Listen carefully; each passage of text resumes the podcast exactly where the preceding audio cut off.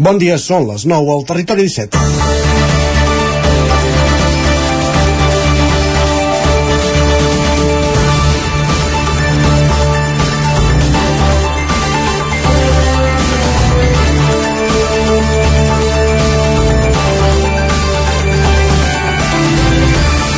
Jo estic munyint vaques i llet perquè la gent pugui beure llet, no perquè els quatre pijos a casa seva puguin menjar els millors formatges.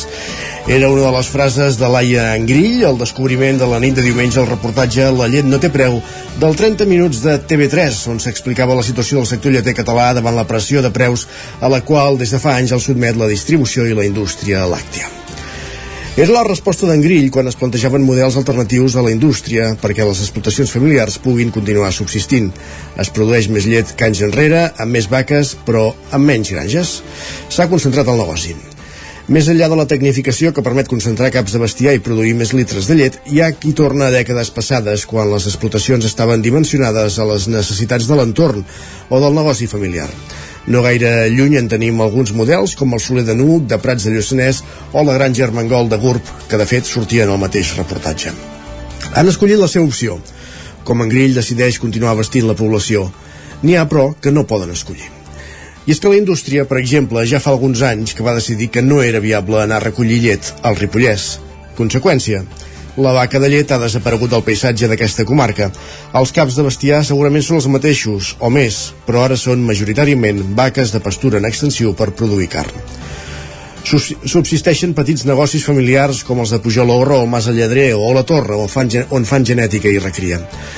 Els últims a plegar Veles per jubilació han estat els de Cal Esteve, de Batet, a Ribes de Freser. Com recollia dilluns el 9-9. Els seus iogurts i matons continuaran arribant als punts de venda, però la llet ja no serà de les vaques que van treure dijous de la granja.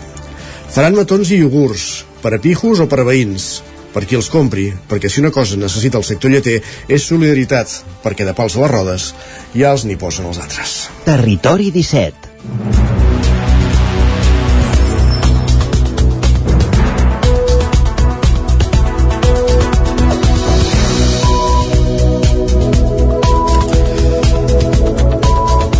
Dimecres 12 de juliol de 2023, en el moment de començar el Territori 17, el magazín de les comarques del Vallès Oriental, l'Osona, el Ripollès, el Moianès i el Lluçanès, que us fa companyia durant dues hores cada matí entre les 9 i les 11. Ara, quan passen dos minuts i mig, gairebé tres del punt de les 9 del matí, ens posem en dansa amb el Territori 17 d'avui, tot explicant-vos quins seran els continguts amb els quals us acompanyarem durant aquestes dues hores. En aquesta primera mitja hora abordarem l'actualitat de les nostres comarques, a les notícies del Territori 17 en connexió amb les diferents diferents emissores que dia a dia fan possible aquest programa. També farem un cop d'ull al temps, en companyia del nostre home del temps, en Pep Acosta, i anirem fins al quiosc amb en Sergi Vives per repassar les portades dels diaris del dia. A partir de dos quarts serà el moment de pujar al tren a la Trenc d'Alba, l'espai dedicat a la línia R3, la línia Barcelona-Granollers-Vic, Ripoll-Puigcerdà i conversar, sentir les cròniques dels oferts usuaris de la línia que recull a diari l'Isaac Muntades, Acte seguit a l'entrevista parlarem del concert d'Operació Paqui d'aquest 2023, d'aquest estiu del 2023. L'objectiu Paqui, ja ho sabeu, aquest talent show promogut des de Ràdio Televisió Cardedeu i la xarxa per descobrir talents en el cant al nostre país. Acabarem aquesta primera hora coneixent iniciatives en el món dels objectius del des de desenvolupament sostenible, dels ODS, notícies a les 10, la previsió del temps i una setmana més, un dimecres més, a partir d'un quart d'onze, ens acompanyaran Jordi Givert Givert coneixent iniciatives dins el territori sostenible. Ens endinsem a Twitter a partir de dos quarts d'onze i acte seguit, darrera sessió de PNL de la temporada amb en Jordi Soler a l'Alegria Interior per acabar el programa amb el Lletra Ferits i avui parlant amb la caçadora de, Mas de Masies, la Marta Lloreta, la Marta Lloret, volem dir, i ha parlat en Joan Garcia des de la veu de Sant Joan i avui recuperarem aquesta entrevista a la recta final d'un territori 17 que ara comença, com dèiem, repassant les notícies més destacades de les últimes hores de les nostres comarques, les notícies del territori 17 que passen per l'onada de calor a la qual vam estar sotmesos aquest dimarts a la tarda, onada de calor, no pics d'alta temperatura, i en el cas de Manlleu hi ha veïns que critiquen que, no, que el cap de setmana no van poder entrar a la piscina municipal perquè s'havia arribat al límit de l'aforament. Sergi Vives. Amb aquesta onada de calor, les piscines són equipaments municipals especialment concorreguts aquests dies. L'equip de govern de Manlleu ha sortit al pas d'aquestes crítiques. L'alcalde Arnau Rovira assegura que l'aforament és d'un màxim de 200 persones i per la seguretat de tots els usuaris no es pot superar. El plec de clàusules, com sabreu, doncs, permet un aforament màxim, no? Per tant, pel seu bon funcionament, estan de 180 a 200 persones en un cas molt extremat. Uh, si no em falla la memòria, ja avui s'ha permès entrada doncs, a 200 persones. Però clar, sempre hem de tenir en compte la seguretat és el primer, perquè si deixem entrar de forma desmesurada molta gent, mmm, potser no tindrem tots els mitjans de seguretat que, que hauríem de tenir per poder garantir dintre el vas de l'aigua aquesta, aquesta seguretat i que ningú pugui prendre mal. Rovira assegura, però, que l'Ajuntament està prenent mesures com posar a disposició de la ciutadania més refugis climàtics, habilitant espais municipals tancats on es pugui garantir una temperatura òptima. Més qüestions, encara en l'àmbit de, de les temperatures. Osona ha superat aquest dimarts el pic de la primera gran onada de calor de l'estiu. La gent gran, les persones amb malalties cròniques i els infants són els col·lectius més vulnerables a les temperatures extremes d'aquests dies. Amb els termòmetres disparats, els consells i les recomanacions per combatre les temperatures extremes són clares. Beure aigua en abundància, sortir al carrer amb roba lleugera, prioritzar la fruita i la verdura i evitar fer esport les hores centrals del dia. Ho explica la infermera i tècnica del grup de promoció i prevenció de la salut del Consorci Hospitalari de Vic, Sílvia Carbonell. Evidentment, no fer esport a les hores central del dia, qualsevol cosa que pugui augmentar, eh, intensificar la nostra calor, doncs evitar-ho al màxim, no? per, per, eh, sobretot ja no només persones de molta edat que evidentment s'ha de sortir a primera hora del matí a última de la tarda però fins i tot gent jove perquè la gent jove eh, en un moment donat un no es pot donar compte de que està entrant en aquesta si situació i quan se'n doni compte ja sigui complicat poder-se'n sortir més si està un, fent una activitat sol o algú que no el pugui auxiliar no? per tant en aquests dies de tanta calor evitar l'exposició màxima i evitar les coses a l'aire lliure una altra imatge que sot veure aquests dies és la dels veïns i veïnes de totes les edats que opten per passar la calor des de la piscina. I és que a banda de mantenir-se hidratat, refrescar-se també és clau per evitar els temuts cops de calor. Una fallada del sistema que produeix la calor extrema i que pot provocar una pèrdua de consciència i, en última instància, la mort. Sílvia Carbonell si ens trobem en una situació d'aquestes amb algú que ha patit això, el primer que hem de fer doncs evidentment és treure'l del, del, del foc de calor, allunyar-lo al màxim possible intentar refrigerar al màxim ja sigui amb compreses d'aigua freda o si podem amb dutxa, l'important és baixar temperatura i si la persona està inconscient és molt important posar-la en posició lateral de seguretat, això es vol dir que tu el poses de costat perquè si mm, per alguna circumstància la persona vomiti doncs no aspires els seus vòmits encara greujant el problema no? L'onada de calor que s'està produint a gran part del país recorda i molt a l'episodi de calor extrema que es va viure l'estiu passat. Un episodi que, segons un estudi científic liderat per l'Institut de Salut Global de Barcelona, hauria provocat la mort de més de 61.000 persones a tota Europa. L'onada de calor va provocar ahir temperatures màximes segons Meteozona entre els 37 i els 38,3 graus a punts com Vilanova de Sau, Rupit i Pruit o Sant Vicenç de Torelló. Avui les temperatures ja no assoliran aquests pics, baixaran al voltant dels 34 graus. Aquesta baixada podria provocar alguna tempesta seca durant el dia. Estem parlant de la fi d'aquesta onada de calor. Tot i que amb 34 graus la temperatura es nota, ja no es considera dins dels paràmetres de l'onada de calor. El meteoròleg de Meteozona, Manel Dot, explica explicar per què. Cada comarca té, té el seu, uh, el seu llindar, no? Per exemple, el que és aquí a Osona, doncs, o, o el que és a Vic seria 37, és 37,2 o així. Uh, Osona en general és 37,7. Si passes de, de, de 3 dies d'aquest llindar, es considera una de calor, si no seria un pic de calor. El motiu de les onades de calor és una bossa d'aire càlid que puja de baix de l'Àfrica fins a la Mediterrània. Identifiquen quatre persones per robatoris d'intents d'estafa al mercat setmanal de Mollet del Vallès. També se'l relaciona amb un intent d'estafa amb uns suposats bitllets premiats de loteria. Entre els arrestats hi ha un menor d'edat. Pol Grau, Ràdio Televisió Cardeu. La policia municipal de Mollet ha identificat quatre persones per la seva presumpta relació amb diversos robatoris al mercat setmanal de la ciutat. Entre les persones identificades hi ha un menor d'edat. La policia municipal els va identificar perquè coincidien amb la descripció que havien donat les víctimes dels robatoris. Les mateixes quatre persones estan relacionades amb un intent d'estafa amb el mètode del Tocomocho, on els estafadors fan creure a les víctimes que tenen un dècim de loteria premiat i els ofereixen per un preu inferior al del premi. Expliquen que no poden cobrar per algun motiu. Una tercera persona intervé per donar versió del bitllet i convença la víctima de l'oportunitat de canviar el dècim pel diners. Quan la persona s'adreça a l'administració, comprova que no té cap mena de premi i que l'han estafat. La policia municipal de Mollet manté oberta la investigació i no descarta que es facin noves identificacions per a aquests fets. Gràcies, Pol. Més qüestions i en l'àmbit de la campanya electoral pels comicis del 23 de juliol, el cap de llista per Barcelona del PDeCAT, que es presenta amb la marca Espai Siu, Roger Montanyola, s'ha trobat aquest dimarts amb empresaris de la comarca d'Osona. Montanyola va arribar al restaurant Viquíssim acompanyat de Genís Guadella, actual diputat del partit a Madrid, i allà el va rebre Xavier Farrés, regidor d'Ara Vic, amb la també regidora d'aquesta formació a l'Ajuntament de Vic i número 7 de la llista del PDeCAT al Congrés, Elisenda Carrera, i la portaveu del PDeCAT a Osona i número 10 de la candidatura de la candidatura Clàudia Lozada. Montanyola ha reivindicat la seva formació com a garantia de política útil al Congrés, contraposant aquest concepte a l'activisme, ha dit, d'altres partits catalans i s'ha mostrat optimista sobre els resultats que poden obtenir el 23 de juliol. Crec que és un plantejament rellevant. Per què votem?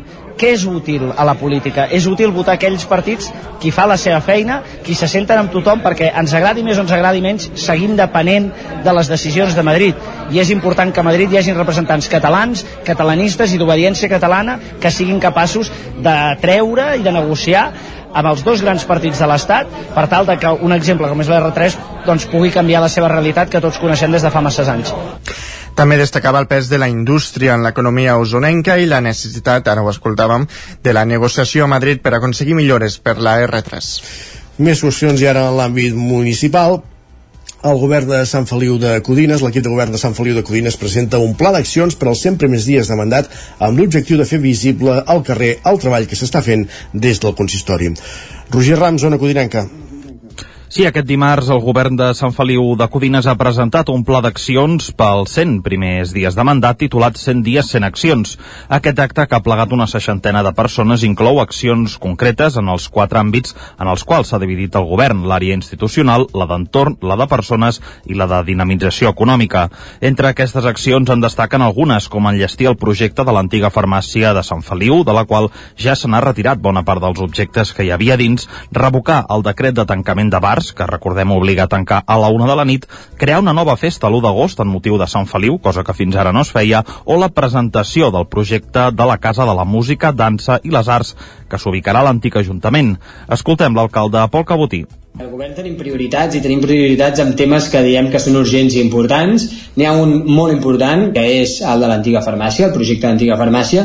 No podem deixar, l'hem prioritzat des del primer dia eh, també garantir que les obres de les, les actuacions i el canvi de gest pel camp de futbol es faci. Són dos projectes que tenim els terminis administratius molt justos, però hi ha accions molt més senzilles i, i que no tenen cost, com la que dèiem doncs, d'obrir el wifi i publicitar doncs, les claus del wifi perquè la gent es pugui connectar, que també m'agrada molt i que també vull posar en valor perquè són coses fàcils de fer, són coses que ens sentim més obligats a atendre i a fer.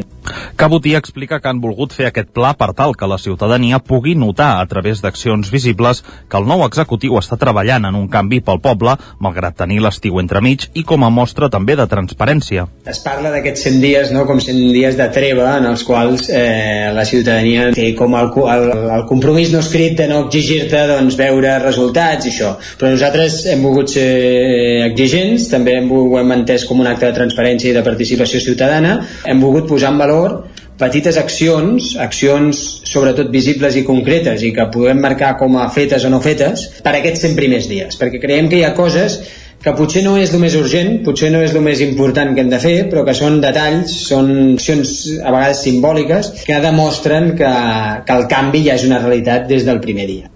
El document que ha presentat el consistori conté menys de 100 accions, ja que la idea és que la ciutadania en proposi algunes. La revisió de tot plegat es farà la primera setmana d'octubre, temps en el qual es compleixen els 100 primers dies de mandat, i a partir d'aquell moment es presentarà ja un pla de mandat amb propostes amb més llarg termini per executar en els propers 4 anys. 1 d'agost, Sant Feliu, festiu. Mm. Uh, potser que passem via perquè això ja passa a Torelló. En tot cas si voleu la patent ens haurem de germanar. Gràcies Roger, més qüestions. Uh, avancem i continuem encara en l'àmbit municipal anem cap al Ripollès perquè l'oposició de Ribes de Freser critica i vota en contra el sou de l'alcaldessa Mònica Sant Jaume un titular bastant tòpic aquests dies. Isaac Muntades des de la veu de Sant Joan El sou de l'alcaldessa de Ribes de Freser de Junts per Ribes, Mònica Sant Jaume, va ser el punt més calent del ple del cartipàs de dilluns, ja que els dos grups de l'oposició, la CUP i Tots Fem Ribes Esquerra Republicana, van votar en contra de la retribució de l'alcaldia. Sant Jaume tindrà una dedicació exclusiva i cobrarà un sou de 35.500 euros anuals. L'alcaldessa va justificar així el seu sou. Aquí val a dir que hi ha una subvenció del 75% de la Generalitat de Catalunya, per tant, el meu sou, el 75% d'aquests 35 els paga la Generalitat de Catalunya Catalunya mitjançant una subvenció i que per tant queden 8.000 euros a pagar a través del, del capítol de les dependències del pressupost municipal. Per tant, això és equiparable al que poden cobrar els, els regidors de la, de la corporació mitjançant les seves indemnitzacions. Tant Àlex Medrano de la CUP com Joaquim Roquer d'Esquerra Republicana van argumentar per què hi votaven en contra. Podem escoltar-los. Per dos motius. El primer és que se'ns digui les, les retribucions per assistència sense tenir-se en consideració la nostra opinió. No podem acatar i no, i no dir la nostra, per tant, no ens sembla correcte. I un altre, doncs, per la tendència no, de que any rere any ha anat augmentant el salari d'alcaldessa, que per molt que aquí es pagui un percentatge i l'altre percentatge vingui baixat de subvencionat, si no sembla com a justificació per aquest increment. Que entenem que la vida augmenta, però que creiem que hem de fer un, un esforç de contenció amb la despesa pública, sobretot els que fem en els càrrecs. Els regidors també percebran 162 euros per assistència als plens i a les juntes de govern local. Pel que fa a la configuració del govern, David Sadurní serà el primer tinent d'alcalde i tindrà les carteres de direcció i gestió, seguretat ciutadana, boscos, camins i rius, món rural, sector primari, mobilitat, nuclis agregats, teixit associatiu i festes. Sergi Moreno serà el segon tinent d'alcalde i també durà direcció i gestió, a més de promoció econòmica i turística, empresa i ocupació, comerç i fires, cultura i tradicions i equipaments culturals. Natàlia Cabós durà les regidories d'Esports, Ensenyament, Benestar Social, Gent Gran, Joventut, Equipaments Esportius, Dona i Polítiques d'Igualtat, mentre que Bernat Sabater serà el regidor d'Urbanisme, Obra i Via Pública, Serveis Generals, Habitatge i Medi Ambient. La resta d'atribucions seran per Sant Jaume.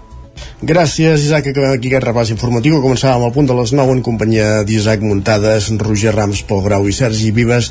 És moment al territori 17 de saludar també el nostre home del temps, en Pep Acosta.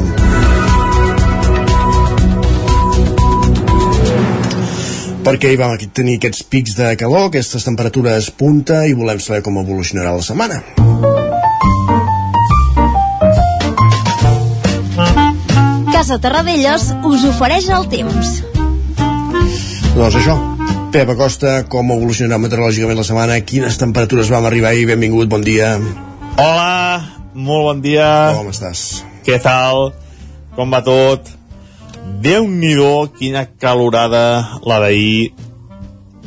Uh, no històrica, no, al final no, no es pot dir que sigui històrica, però moltíssima calor, més de 33, 34, 35 graus en moltíssimes poblacions eh, per tant una calor important, molt important eh, el que passa que es dona, eh? es dona bastants cops eh, no es dona cada dia ni de bon tros a l'estiu però sí que que cada eh, jo crec que cada any gairebé, sobretot aquests últims anys es dona un episodi de calor com el que vam tenir ahir a, a casa nostra.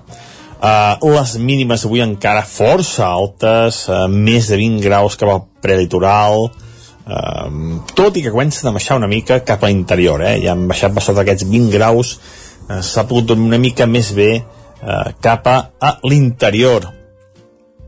Però bueno, uh, és estiu, és estiu, i com, com, com no pot ser d'una altra manera eh, fa calor eh, es nota per tot arreu aquesta pujada de temperatures es nota eh, aquest ambient càlid eh, i jo sempre dic que que és bon temps eh, és bon temps el que fa quan, quan toca quan, quan, quan ha de fer el temps que fa i per tant ara és això eh? per tant ara eh, toca calor eh, toca mm, poques tempestes i en definitiva som al estiu eh, i no, no, no, no canviarem el, el temps i no farà fred ni de bon tos aquests dies.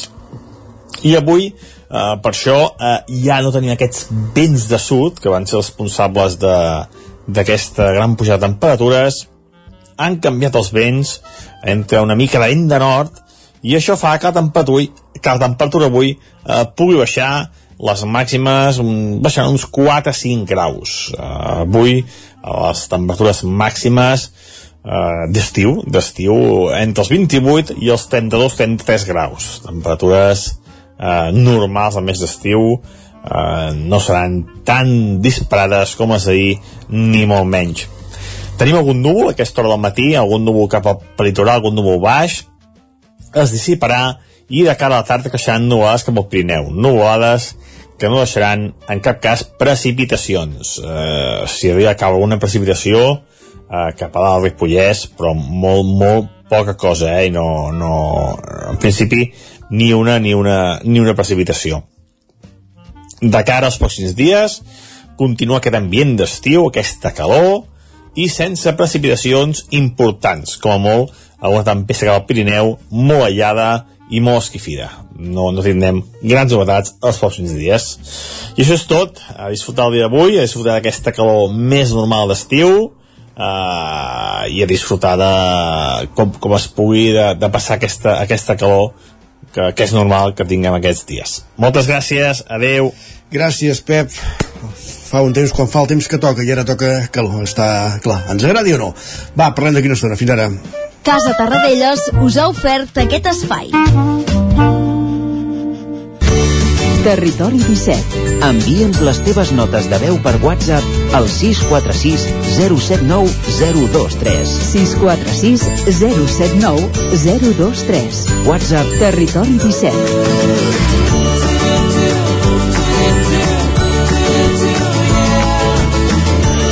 Territori 17. Som a Facebook, Twitter i Instagram amb l'usuari Territori 17.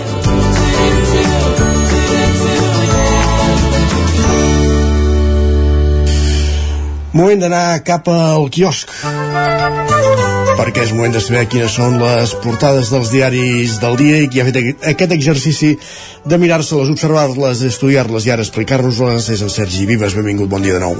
Bon dia. Doncs mira, començarem pel punt avui, que encapçala la portada entrevistant el president del Barça, en Joan Laporta. De fet, són tres diaris esportius i l'esportiu, que va insertat amb el punt avui, eh, doncs el punt avui ho posa a portada, però són els tres diaris esportius catalans els que avui publiquen una entrevista amb Joan Laporta, Mundo Deportivo, Esport i, i l'Esportiu, i què diu? Què Doncs destaca mira, el en concret el que, el que hem destacat al punt avui és uh, que el Barça diu, a Joan Laporta, ha sortit de l'hospital i torna a fer vida normal. Diu que l'objectiu ha de ser estar entre els equips candidats a guanyar la Champions i sobre O les... sigui, ja, no és que si, hagi sortit de l'UCC a planta, ja ha sortit de la planta i tot, eh? Ja està, ja està. Carai, carai. Sí, sí, sí. Anem bé, anem bé, anem bé. I sobre les eleccions diu que són molt espanyoles i poc catalanes i assegura que el pes de Catalunya a l'Estat s'ha diluït.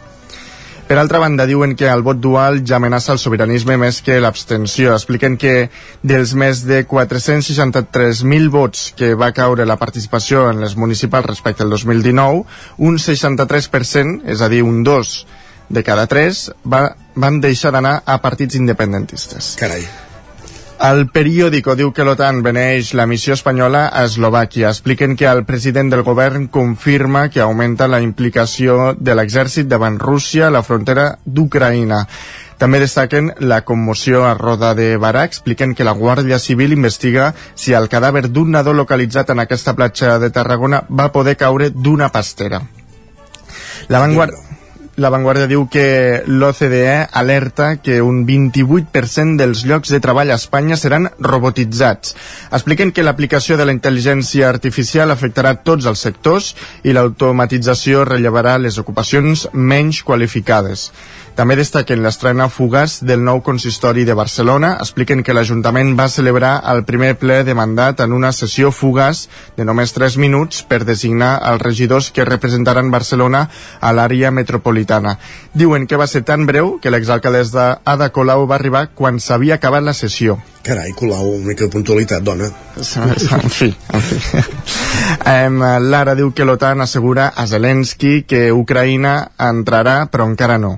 Expliquen que els líders occidentals reunits a Vilnius, amb Biden al capdavant, van respondre a les urgències de, les, de Zelensky per entrar a l'OTAN, però amb un sí, però, quan les condicions ho permetin, és a dir, quan s'acabi la guerra. I premsa, repassem ara la premsa espanyola, el País diu que el PP avança dos escons després del debat entre, entre Sánchez i Feijó. Expliquen que um, reforça, a Feijó reforça sense arribar a la majoria absoluta. Diuen que els, el líder popular alerta contra l'eufòria i aspira a captar el vot de Vox. Afegeixen que el president diu que Feijó el va enfrontar a una muntanya de mentides. Um, per altra banda, diuen que la utilització d'ETA contra el PSOE divideix els col·lectius de víctimes. Expliquen que associacions firmen a favor i en contra del que te vote chapote. Mare de Déu senyor. Com Quants, estan? quants anys fa que aquest va abandonar l'activitat? No ho sé, però En estem al cas de- 2023, eh? Això mateix, O sigui- sí, sí. Déu-n'hi-do. L'ABC diu que al revés del cara a cara accentua la desmotivació en la campanya socialista. Expliquen que Ferraz assumeix que el president va perdre una oportunitat per la remuntada mentre la desmobilització s'extén entre els quadres territorials. I d'això també en parla el Mundo, expliquen que dirigents i ministres del PSOE afirmen que res va sortir com estava previst i assenyalen el seu equip assessor, ja que és evident que ho van preparar malament. Diuen que Moncloa defensa la seva estratègia, culpa el format del debat i no farà canvis en la campanya. I la Razón diu que el cara a cara entre Sánchez i Feijó descol·loca a Vox. Expliquen que el resultat anima al PP en la recta final i Gènova extrapola un creixement per aconseguir més de 160 escons. També destaquen que a Tres Media va arrasar en audiències van ser 5,9 milions els espectadors que van veure el debat, el que suposa un 46,5% de share. Sí, sí, vaig mirar les dades ahir i Cites realment va perdre la partida, eh? sí, ha de ser. Més qüestions. Doncs aquests són els titulars que trobem avui a, a les portades. Doncs va, repassem digitals ràpidament en l'edició d'Osona i el Ripollès del 99.cat. Doncs mira, ens diuen que Manlleu s'omple de bàsquet en la setena prova del circuit 3x3. Amb la calor que fa. Ah. I en l'edició del Vallès Oriental? Doncs un motorista resulta ferit en una topada amb un cotxe al centre de Granollers. Doncs dit això, queda tot recollit i gràcies Sergi. A tu. Nosaltres el que fem és una petita pausa, però ja tornem de seguida pujant al tren, a la Trenc d'Alba amb l'Isaac Muntades i després a l'entrevista parlant d'aquest concert de l'operació de l'objectiu Paqui de l'edició d'aquest 2023. Pausa i tornem fins ara mateix.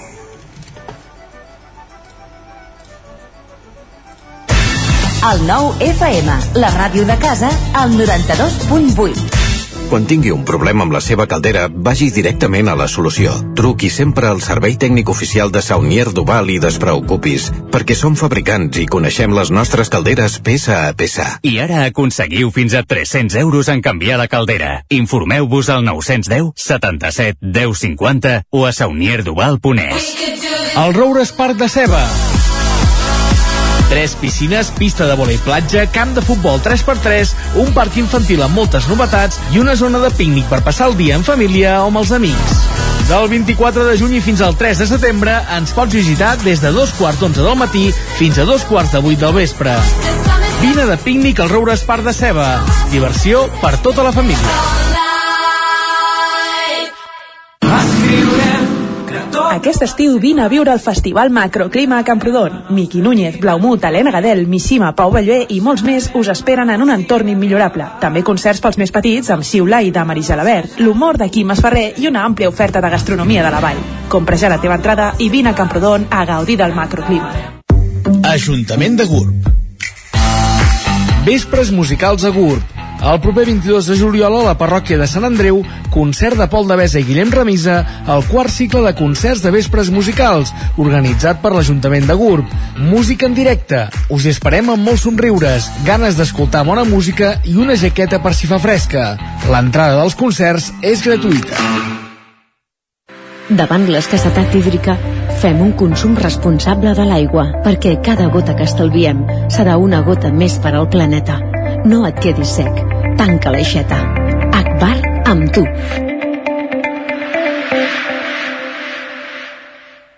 Ser a prop vol dir veure les coses més bé. Apropa't al que t'interessa amb la xarxa Més. La teva plataforma audiovisual de qualitat, proximitat i gratuïta. Gaudeix dels continguts de més de 30 televisions locals i podcast quan, com i on tu vulguis. Entra a la xarxa més.cat i descarrega't l'app. Cocodril Club. Si t'agrada la bona música dels anys 60, 70 i 80, escolta el 9 FM als matins de dissabtes i diumenges d'11 a 1.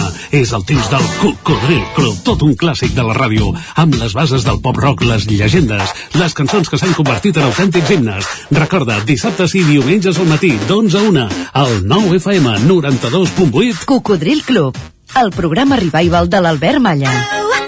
Hasta Anuncia't al 9FM. La màquina de casa. 9 3 8 8 9 4 9 4 9. Publicitat arroba al 9FM.cat. Anuncia't al 9FM. La publicitat més eficaç. Territori 17.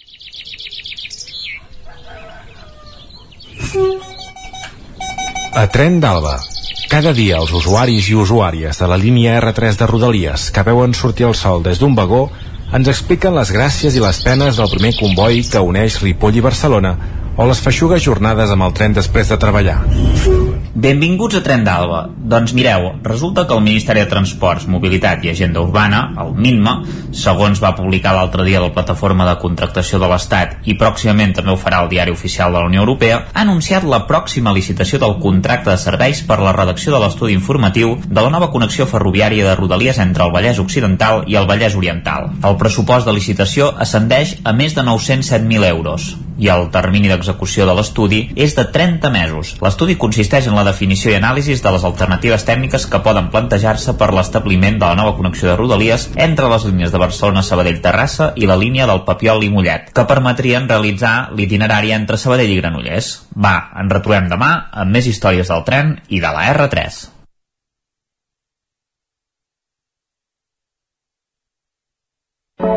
Territori 17, el 9 FM, la veu de Sant Joan, Ona Codinenca, Ràdio Cardedeu, Territori 17.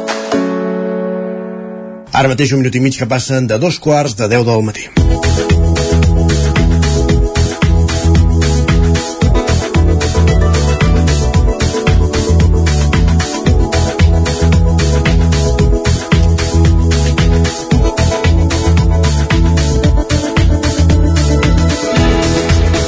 Aquest dissabte arriba el concert de la darrera, tercera edició d'Objectiu Paqui, un concert amb moments especials i actuacions inèdites. Es podrà veure, de fet es fa, al Teatre Auditori de Cardedeu a partir de dos quarts de deu del vespre.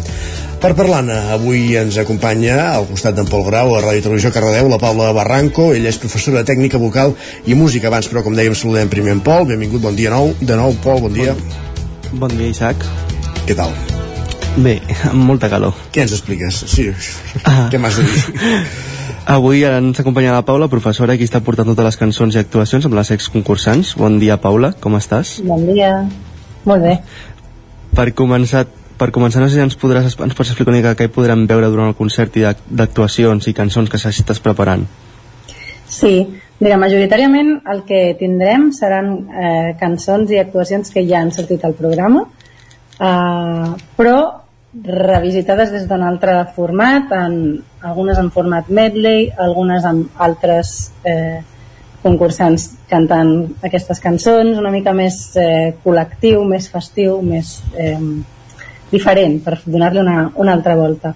Però també tindrem algunes sorpreses, algunes cançons inèdites, algunes cançons eh, individuals que no, que no han sortit mai, algunes estrenes, no puc dir molt, per no fer molt spoiler, però alguna així. I com ha anat tot aquest procés des que va acabar eh, la tercera edició de, de l'OP fins ara? S'ha estat treballant amb els, amb els participants amb aquestes cançons? Va, hi ha hagut una pausa? Quan, quan s'ha intensificat la feina fins a arribar ara al concert final? Hi ha hagut una pausa, eh, merescudes vacances per tota l'equip d'organització sobretot, Eh, però sí que ara ja portem uns dies que estem treballant una mica a distància, jo almenys amb, amb ells estic a, a distància, tot a través de, de la Maria, la directora, eh, pensant, bueno, parlant dels temes, de les reparticions, de com muntem els assajos, de els tons de les cançons, de qui fa què, etc etc. però sí, sí, ara portem un parell de setmanes que estem bastant, bastant a tope amb això. I tot el procés per anar preparant aquestes cançons, com ha anat? Ara digues que, que ho heu fet a, a distància, diguéssim, i amb ells els hi heu demanat que es preparessin les cançons que ja havien interpretat, que ja sabien, però en aquest cas, el, en el cas de les sorpreses, eh, se'ls hi proposa des de l'organització, les proposen els mateixos participants, com, com ha anat tota aquesta organització? Ha sigut una mica 50-50, jo crec. Ha anat una mica coses que han proposat ells que no havíem sentit, que ens han semblat molt bones idees, i alguna que hem dit, home, això ja ha de ser perquè també farà, farà maco. I, mm, i això ho, hem estat fent, ho hem estat fent a distància eh, més que res per saber exactament doncs, els tons de les cançons, qui ha de fer què, com s'ho volen repartir, amb qui els hi ve de gust cantar, perquè potser durant el programa no han tingut l'oportunitat de fer certs duos o, o alguna cosa més grupal eh, més enllà del que els hi hagués pogut tocar i, però bàsicament això mm, tot saber-se la lletra, repartir-se de coses i, i per aquí. Has dit abans que hi ha bueno, les actuacions individuals i les cançons així conjuntament als medleys, quina creus que està la més o quina és la part més complicada de preparar? Les individuals de cadascuna o les grupals, diguéssim, conjuntes de la, que toquen dos o més, més concursants? Jo crec que el més complicat de tot eh, són els medleys amb diferència, perquè sí que hi ha dintre dels medleys moltes cançons que ja han sortit, però n'hi ha algunes de noves que estan de miratons, que estan d'adequar els enllaços, que crec que és el que més mal de, mals de cap se'ns ha portat, perquè ara hem de deixar aquí més espai, perquè si no, no tindrem temps de dir la frase, o pensant una mica que eh, com, com entraran després d'una cançó, en quin, en quin espai, com per fer-ho fluid, saps? Jo crec que és, és més complicat, perquè una cançó individual sencera que ja hagi pogut sortir, o alguna que sigui nova, però serà nova per als oients, diguéssim, perquè per ells ja són cançons que han estat treballant, no comporta tanta dificultat, crec, com l'organització, els timings, etc etc. Uh -huh. Quina diferència hi ha en la preparació d'aquest concert respecte a les gales de, de quan es feia el, uh, el talent show encara? Hmm.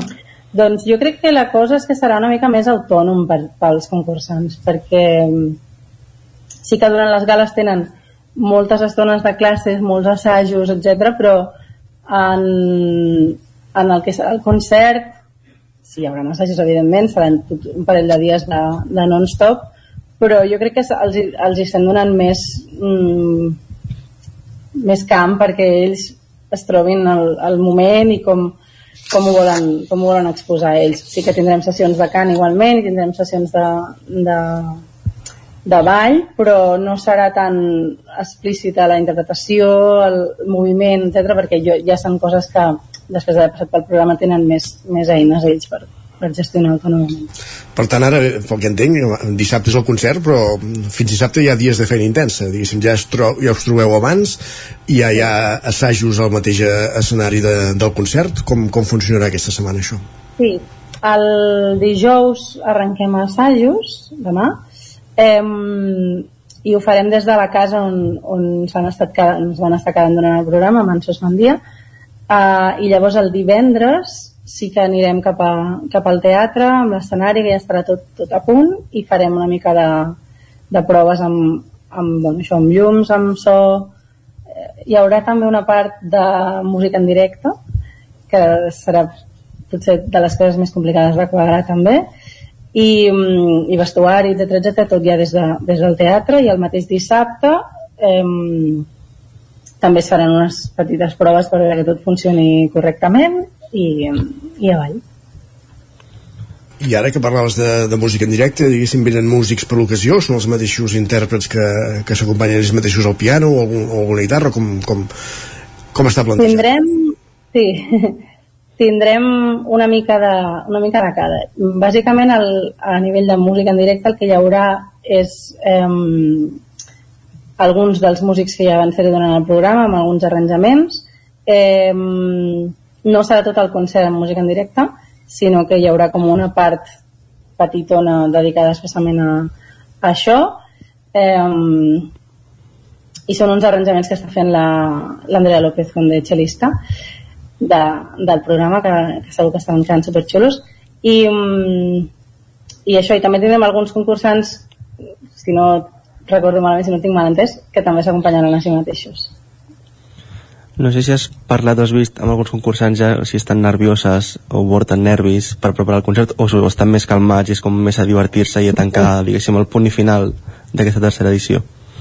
No els he vist encara, demà, demà els veuré amb molt de ganes, però sí que sé que la cosa està fent xup-xup ja, els nervis una mica. Les ganes més que els nervis, potser. Però sí, sí. Um, quina durada tindrà aquest, aquest concert, aquesta traca final de, de dissabte, no? de, de posar punt final a tota aquesta tercera edició de, de l'objectiu PAC. De sí, sí, objectiu si, fos, si fos per nosaltres seria molt llarg, duraria més de dues hores. Però estem intentant eh, que com a molt, molt sigui una hora i mitja, una mica més i les peces que interpretaran una mica ja ho dèiem abans, algunes que ja hem sentit durant les gales eh, algunes de noves i totes d'intèrprets de, de, de cançons diguéssim ja més que conegudes, oi? Sí, exacte hi haurà alguna sorpreseta però en principi tot és eh, música que ja sortit del programa o música d'artistes eh, bastant coneguts sobretot també hem volgut donar l'oportunitat als que van marxar relativament d'hora en el programa de que puguin cantar alguna cosa que no se'ls hagi vist mm -hmm. això sí, una cosa que els agradi perquè qui participa? Tots els que van arribar a la, a la fase final eh, diguéssim en aquest concert qui, qui actua? En principi participen els 10 concursants mm -hmm. sí hi ha alguna persona que no se sap si podrà o no podrà perquè, bueno, causes externes, però esperem que pugui, que pugui venir i que puguem ser-hi tots i, i una mica això eh, molts d'aquests concursants no deuen estar acostumats a actuar en un escenari en directe en, un, en aquest cas un teatre auditori per tant eh, hi ha amb certa envergadura per tant, eh, abans en Pol preguntava pels nervis, per la, per la por escènica o fins i tot una mica per les ganes no? de, de, de fer-ho, aquí és on es barreja tot una mica, no? perquè no, ja no és tan import, ja, ja és prou significatiu pujar en un escenari com per fer-ho d'un teatre amb una capacitat per no sé quantes persones però vull dir que, que, que el repte és majúscul per ells Sí, però pensa que jo crec que el que, el que ja han fet és molt més heavy, perquè estan en un plató de televisió amb, amb càmeres mirant-te, amb gent mirant-te, amb un micròfon a la mà, havent de ballar, havent d'organitzar-te, saber-te les coses de memòria. Jo crec que estar dalt d'un escenari els hi resultarà molt més fàcil perquè el públic també està més lluny, suposo, i no es veu tant. també, sí, però perquè suposo que no tindran tampoc la pressió de, de, m'estan gravant o això sortirà per tot Catalunya o... jo crec que, és que com que ja han passat aquesta fase ja, ara els toca gaudir de l'escenari, passar-s'ho bé i, i ja està. Um, hi, hi ha una pregunta ja més de, de profunditat. Tu Paula, com professora de tècnica vocal i, i de música eh, com veus els concursants un cop arriben, en quin nivell estan i, i és, veus una evolució real, diguéssim, al llarg de tot el procés, al llarg de, de les gales, de, dels assajos, de, de, de les estades que es fan a, a Mansos Mandia, diguéssim, la, hi ha una evolució de, de tots aquests artistes? Jo, els, jo aquest any els he vist entrar molt forts. Sigui, tots eh, tenien un nivell increïble, pràcticament tots venien d'haver fet classes de tècnica, de teatre musical, coses bastant, bastant heavies. Eh, però sí que, clar, que són molta gent els que treballem amb ells, no és només a nivell de cant, sinó que també a nivell d'interpretació, a nivell de moviment, i vulguis o no van agafant cosetes de cadascú per fer-se una mica el seu, les seves eines i es veu evolució es veu evolució. És que inclús els que, les que van marxar la primera setmana se'ls hi veu evolució, perquè han anat aprofitant petites cosetes de les, dels que se'ls ha anat dient i crec que com que han anat una mica més acompanyades en aquest sentit, tenen ara moltes més eines per defensar actuacions. I els... Però el nivell era molt heavy. I els veurem en altres escenaris aquest estiu? Doncs entre ells estan fent cosetes, la veritat és que estan molt actius. Eh, cadascú a les seves xarxes va publicant els concerts que tenen i, i a mi fa molta il·lusió anar-ho veient. O sigui que sí, sí, en principi um, cadascú anirà pel seu, pel seu compte fent cosetes ja.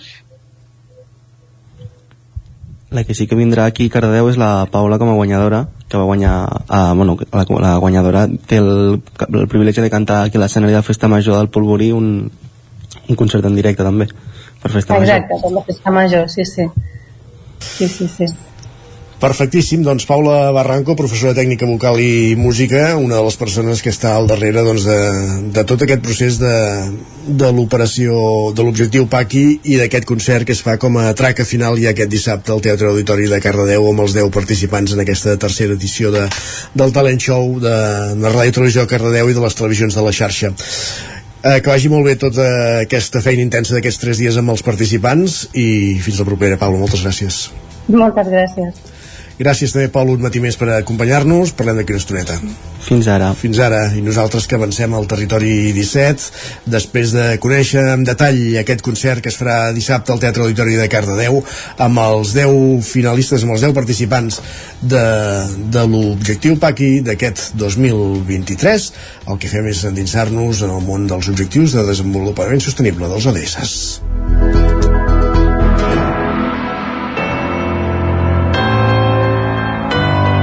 Territori, Territori 17. 17. Territori 17.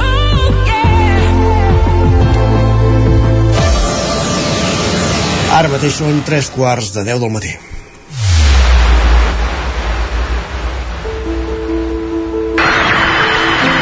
Porque yo podría y me atrevería a decir que el individuo no es más que un eslabón, un pequeño eslabón en una larguísima cadena, cuyo origen se pierde en la noche de los tiempos y cuyo fin está todavía por forjar. L'aleteig d'una papallona es pot sentir a l'altra punta del món. Tot comença per tu. Susara Avia Punto. Ona ODS. Onda ODS. Una finestra oberta Una ventana abierta. a un futur sostenible. Etorkizun jasangarri baten ardatz. Una fiestra aberta a un futur sostenible.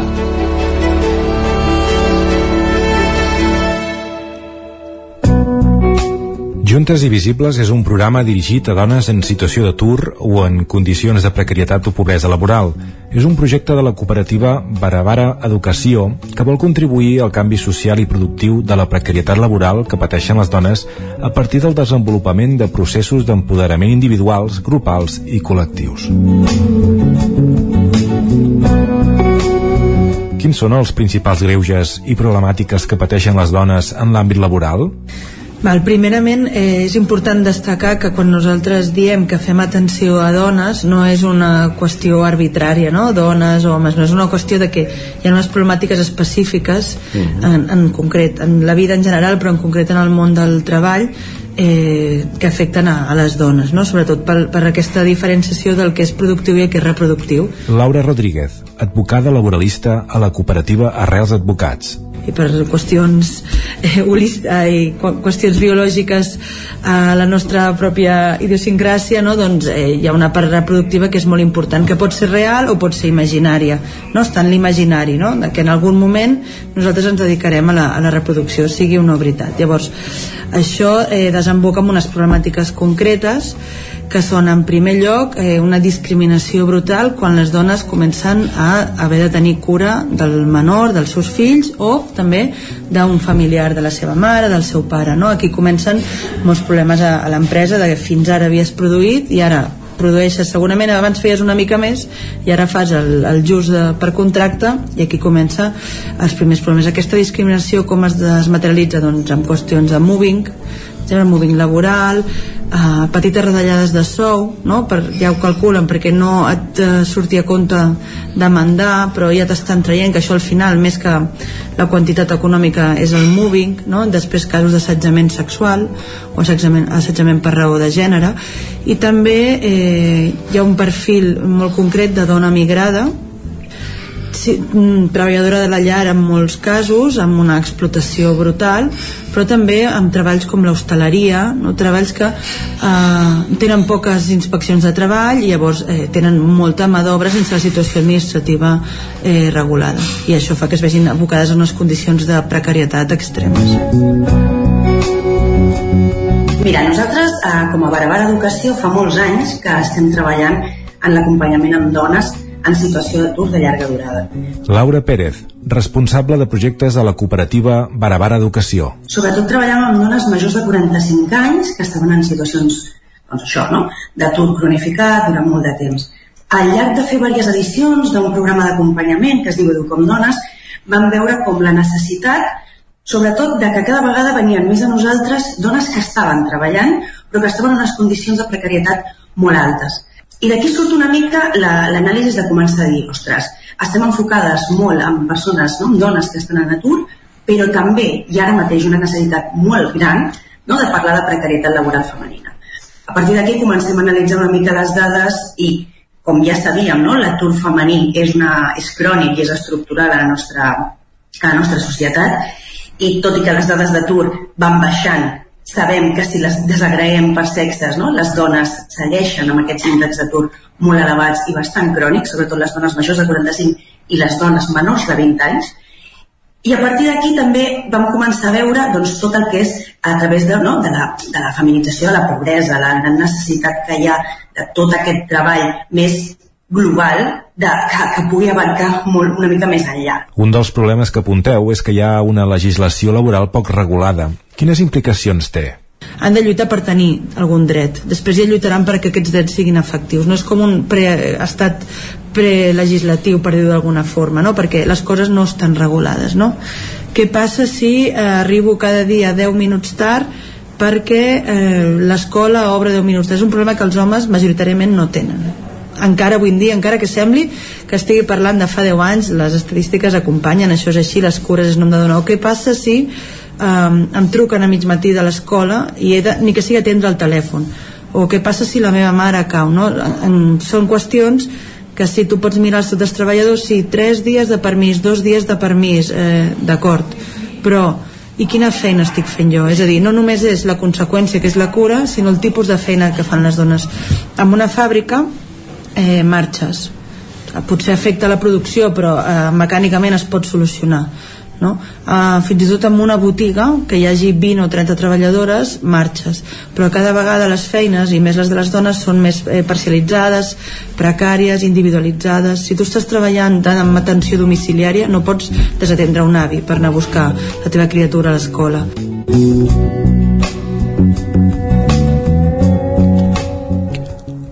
El projecte Juntes i Visibles inclou una exposició de fotografies i àudios d'històries reals que dones han compartit amb elles.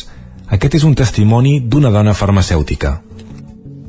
Soy farmacéutica y trabajo en un mundo donde la mayoría son mujeres, con lo cual los sueldos han sido según convenio. Yo no he notado ninguna diferencia con respecto a los hombres. Por otro lado, durante un corto de periodo de tiempo sí que es verdad que tuve un jefe que era hombre y este jefe trataba de diferente manera a los hombres y a las mujeres, y daba igual el rango, aunque el rango de las mujeres fuera superior, él trataba mal a las mujeres. Era misógino y se dedicaba a hacer sentir inferiores a las mujeres frente a los hombres, en los cuales confiaba plenamente, aunque claramente trabajaban peor y cometían muchos más errores que esas mujeres.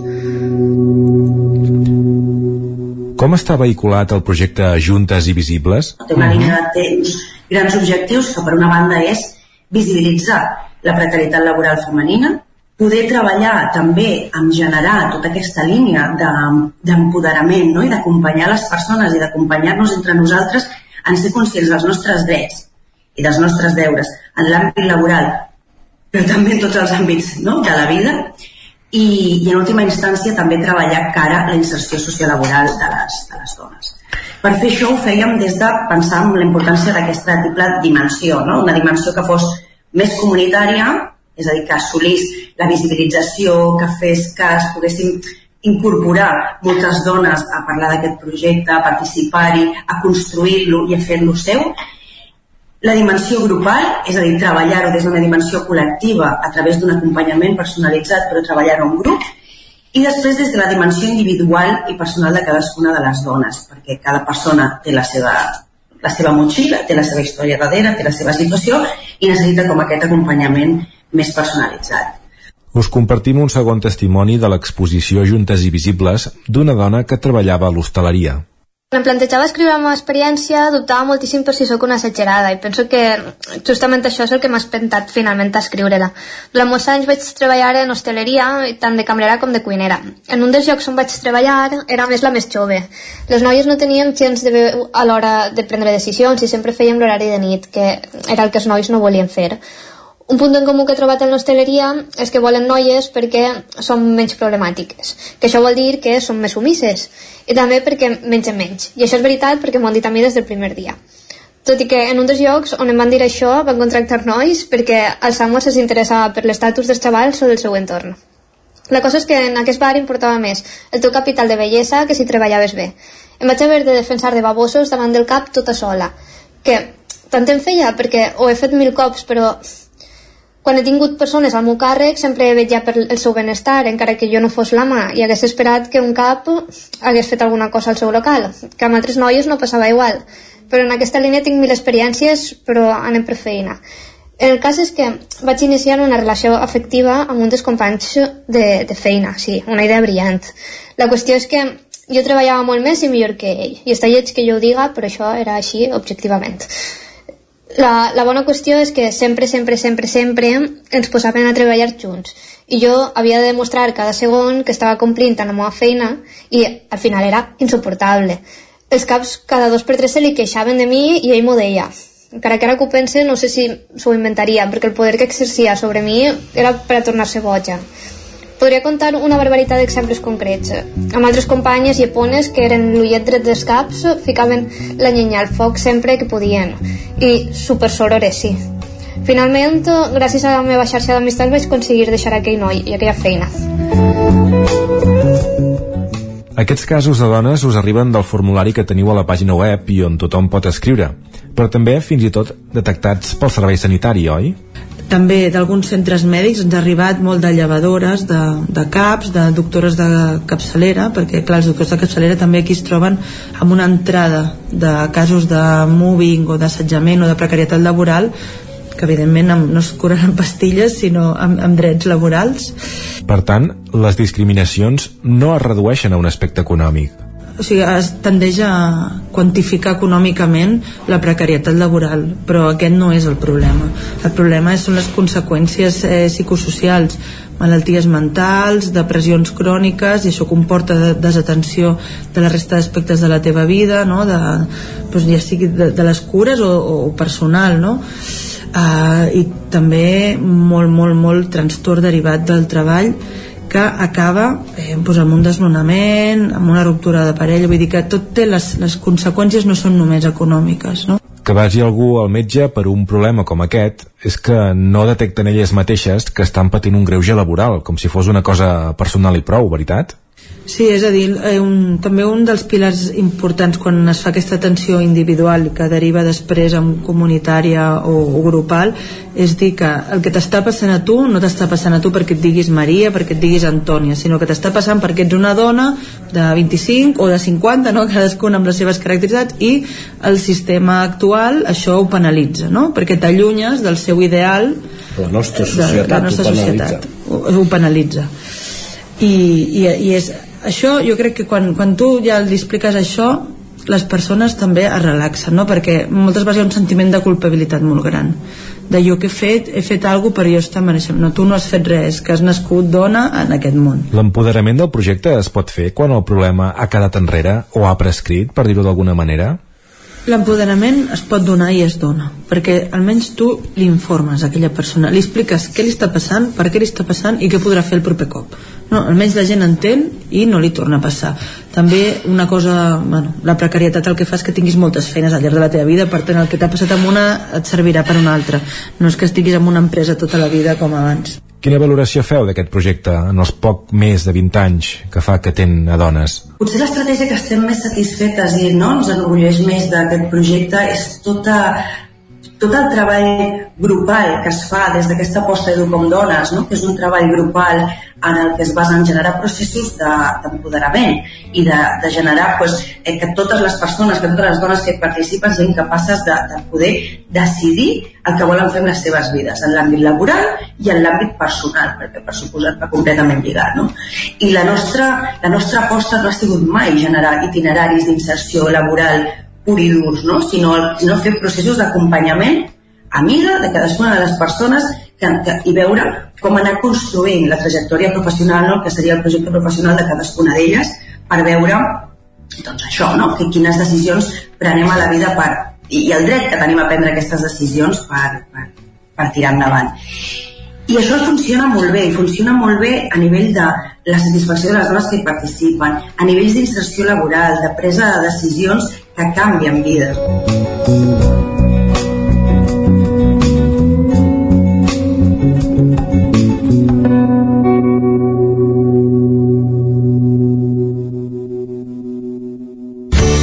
Territori 17. Envia'ns les teves notes de veu per WhatsApp al 646 079 023. 646 079 023. WhatsApp Territori 17.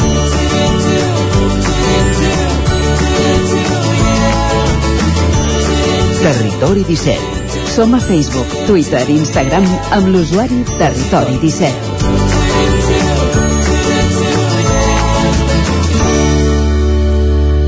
Ser a prop vol dir veure les coses més bé. Apropa't al que t'interessa amb la xarxa Més. La teva plataforma audiovisual de qualitat, proximitat i gratuïta. Gaudeix dels continguts de més de 30 televisions locals i podcast quan, com i on tu vulguis. Entra a la xarxa més.cat i descarrega't l'app.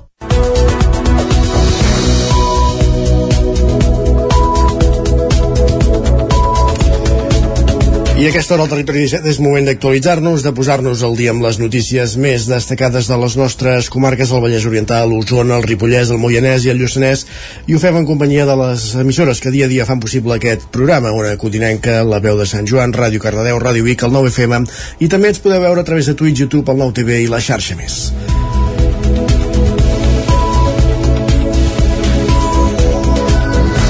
El ple de l'Ajuntament de Manlleu aprova el nou cartipàs i les retribucions que perceben l'alcalde i la resta de regidors de l'equip de govern, Sergi Vives. Amb la majoria absoluta assegurada a través de l'acord entre Junts i el PSC, el govern de Manlleu no va tenir cap dificultat per fer avançar els diversos punts de l'ordre del dia del ple del cartipàs. En l'apartat de dedicacions i retribucions dels regidors amb responsabilitat dins del govern es va produir el que anomenen com a efecte mirall i va agafar tot el protagonisme als equips de l'oposició. Les crítiques van venir des de la CUP i des i del grup d'Esquerra. El regidor republicà Eduard Robles va posar de manifest que tot i el vistiplau cap a les quanties proposades no acabaven de veure amb bons ulls la pujada del salari de l'alcaldia, 2.554 euros anuals més que el darrer alcalde. Esquerra també va iniciar una crítica cap als quatre regidors de govern, David Bosch, Marta Moreta, Toni Poyato i Andreu Garcia que tindran responsabilitat però no una dedicació assignada i per tant cobraran l'assistència a tres òrgans de gestió d'entre 225 i 250 euros per sessió. Són el ple, la Junta del Govern local i la Comissió Informativa. Un d'art directament encarat al PSC assumint aquest eh, mandat el que havien criticat en el darrer. Escoltem Eduard Robles i Marta Moreta. La sorpresa ens l'hem endut al veure que tres dels quatre regidors del PSC passaran a percebre les indemnitzacions que tant van criticar fa quatre anys. Avui la proposta que s'aprovarà és de 250 euros a l'assistència a les juntes de govern local. I per tant, nosaltres diem que això és un escàndol a tota regla i per això estem parlant d'un sou encobert. Fent números ràpids, aquestes persones que cobraran assistències per anar només a les juntes de govern cobraran cada mes 1.000 euros, deixant de banda els altres òrgans no és ètic i és immoral. Jo crec que l'àrea d'Hisenda és molt important i vostè també cobrava assistències. Per tant, és entrar també en aquest debat d'una mica demagògic, no? perquè potser és tan important l'urbanisme com Hisenda, o igual d'important, i vostè feia exactament el mateix. Els números que es van aprovar en el ple del Cartipàs corresponen a un augment al voltant del 5%, responent així a l'increment del IPC. I així el sou del, de l'alcalde Arnau Rovira es xifrarien 49.000 euros anuals i la resta de regidories es basarien en els 44.000 euros de referència aplicant un percentatge de dedicació, xifres que quedarien fixades entre els 10.000 i els 31.000 anuals segons el percentatge d'hores de dedicació setmanals que hi destinarà cada regidor. Més qüestions, anem cap al Ripollès perquè l'alcalde de Llanàs, eh, Amadeu Rossell, sona com a president del Consell Comarcal durant almenys els dos primers anys del mandat. Isaac Muntades, des de la veu de Sant Joan. Fa setmanes que el pacte al Consell Comarcal del Ripollès perquè hi hagi un acord de govern entre Esquerra Republicana de Catalunya i Junts està tancat. Entre tots dos sumen 11 dels 19 consellers de l'ENS supramunicipal, per tant tenen una majoria absoluta còmoda que els permetrà governar sense problemes. Però l'enrenou a Ripoll amb l'alcaldia d'Aliança Catalana ostentada per Sílvia Oriols no permet revelar encara qui serà el nou president del Consell Comarcal, el qual seria per Esquerra. De fet, durant alguns dies semblava que l'acord podia volar pels aires, però en principi no serà així. Tot apunta que la presidència l'ostentaria l'alcalde de Llanàs, Amadeu Rossell, durant almenys els dos primers anys, i després passaria cap a un altre conseller republicà. Els noms que han sonat amb més força són el del regidor i cap de l'oposició de Sant Joan de les Abadeses, Sergi Albric, i el de la regidora republicana Ripoll, Chantal Pérez. La vicepresidència de Junts l'ostentaria Manoli Vega. En aquests dos darrers casos caldrà veure què passa amb la situació de Ripoll. Per ara, la Junta Electoral ja ha fet públic els noms dels 19 consellers d'un total de 7 grups diferents que seran en aquest mandat al Consell, que és el desè des de la Constitució de l'any supramunicipal. Sí que és segur que s'escollirà un nou president, perquè l'actual, Joaquim Colomer, no serà conseller comarcal i tampoc tenia els vots per aconseguir-ho. Per part d'Esquerra Republicana hi seran Amadeu Rossell, Sergi Albric, Chantal Pérez, Judit Cornellà, Dèlia Duran i Lluc Sant. Els representants de Junts seran Manoli Vega, Mònica Sant Jaume, Oriol Lázaro, Pere Sau i Josep Estregués. El PSC, que aquest cop no estarà al govern, estarà representat per Xavier Guitar, Xavier Capdevila i Enric Pérez. L'Aliança Catalana estarà representada per Sílvia Oriols i Anna Flores, mentre que la CUP, Més i els independents pel Ripollès hi seran presents amb les figures d'Àlex Medrano, Ramon Roquer i David Verge. Més qüestions, encara eh, tornem a Manlleu perquè l'ANC ha convocat una concentració de protesta davant l'edifici de l'Ajuntament de, pel fet que l'Ajuntament de Manlleu, l'equip de govern encapçalat per Arnau Rovira, hagi acatat l'ordre de la Junta Electoral de retir, retirar els símbols independentistes dels espais municipals i de fet diversos espais de, de la ciutat, Sergi. L'entitat està molesta amb l'equip de govern per haver retirat símbols independentistes de l'espai públic sense presentar abans recurs a l'ordre de la Junta Electoral de Zona. Des de l'ANC de Manlleu en parla Jaume Singla. Per tant, ens ha sobtat, però sobretot ens sap molt de greu que havent-hi 24 hores de termini per fer al·legacions, per respondre, no s'hagi fet. I ara, un cop complerta la resolució i acabat el termini, ara ja no es pot fer res.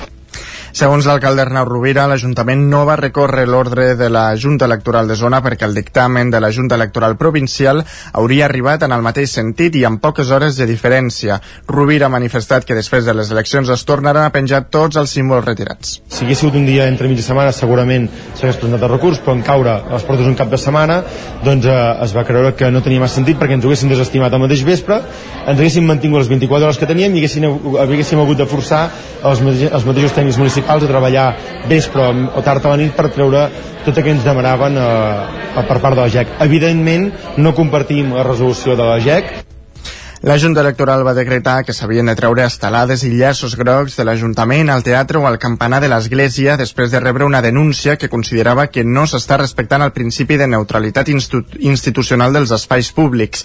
També s'han retirat estelades de l'ANC col·locades en, en entrades de Manlleu i a la plaça Fra Bernadi. L'ANC i també partits amb representació a l'Ajuntament com la CUP i Esquerra han demanat als veïns que pengin estelades als balcons. Més qüestions eh, aquests dies dies que comença a haver-hi torns de vacances, hi ha qui va a l'inrevés, que és l'època d'estiu quan, quan treballen, que és quan més hores fan. Són, per exemple, feines d'estiu com els responsables de portar al bar d'unes piscines, Sergi. L'estiu és sinònim de vacances, de descans, de piscina, però hi ha qui no ho viu així, com la Núria Comelles i l'Òscar Ribas. Ells són els responsables de poder satisfer totes les necessitats als que dia rere dia passen per les piscines de Sant Bartomeu del Grau.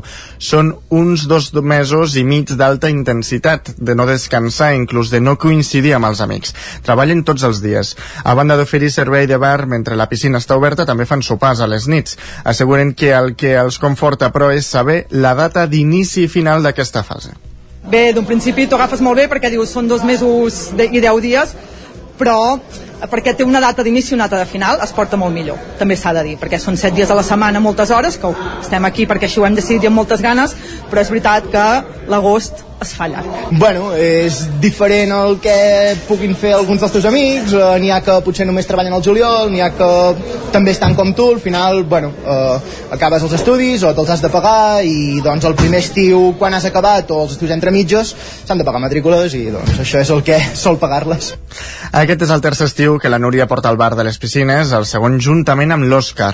Asseguren que aquest estiu és més fàcil, ja que després de l'experiència dels anys anteriors ho tenen més consolidat. Per atreure més públics i a explotar al màxim al bar de les piscines tiren endavant iniciatives com els dies temàtics, ho explica la Núria. El dijous com a, com a dia temàtic hi ha creps i el divendres hi ha torrada de pizza, vale? que això ho vam començar a fer ja l'últim estiu que vam estar aquí eh, i va tenir molt èxit i vam dir que bueno, aquests dies temàtics eh, els mantenim, inclús dissabte tenim música en directe també, vull dir que anem augmentant coses veient que tots aquests dies temàtics tenen molta, molt d'èxit. Encara que siguin moltes hores, molta calor i poc descans, treballar al costat d'una piscina doncs sempre ajuda una mica sempre ajuda, tu vols dir. Gràcies, Sergi. Més qüestions, anem cap al Vallès Oriental, perquè una casa de Granollers és la finalista als Premis FAT d'Arquitectura. Eh, l'obra finalista aquests Premis d'Arquitectura és del despatx H Arquitectes, del qual forma part l'arquitecte granollerí David Lorente. Pol Grau, Ràdio, Televisió, Cardeu. Una casa particular del carrer Francesc Macià de Granollers, projectada pel despatx d'arquitectes Arquitectes de Sabadell, ha estat escollida com una de les nou finalistes dels Premis FAT en la modalitat d'arquitectura. Entre l'equip d'arquitectes que van participar en el disseny del projecte hi ha David Lorente, veí de Granollers. Fins ara no han guanyat mai el premi. Els guardons es lliuraran a l'octubre en un acte al Museu Disseny Hope a Barcelona. S'hi exposaran unes maquetes i uns plafons amb explicació dels projectes que seran valorats per un jurat professional. També hi ha un premi del públic que es lliura a l'obra més valorada. Lorente destaca que els fats són uns guardons que en l'àmbit de l'arquitectura i del disseny són referència a Catalunya, tot i que valoren obres d'arreu de l'Estat i de Portugal. Els arquitectes o despatxos presenten les obres i un jurat fa una primera valoració per escollir els finalistes. Sovint, la decisió es pren després d'una visita a la construcció per part dels experts. Lorente entén que ser finalista ja implica una valoració de la feina que s'ha fet i que sent els finalistes ja ho compten com a premi. I ara acabem al Moianès perquè després de començar la quarantena edició del Festival Internacional de Música Francesc Vinyes, les Joventuts Musicals de Moià han donat el tret de sortida a la desena edició del Campus Musical d'Estiu Roger Rams, zona codinenca. Sí, 50 estudiants de diferents punts del país estan passant aquests dies un parell de setmanes a la comarca del Moianès, on hi reben lliçons personalitzades per part de professors referents en estudis de música clàssica. Nona Arola és directora de les Joventuts Musicals de Moià.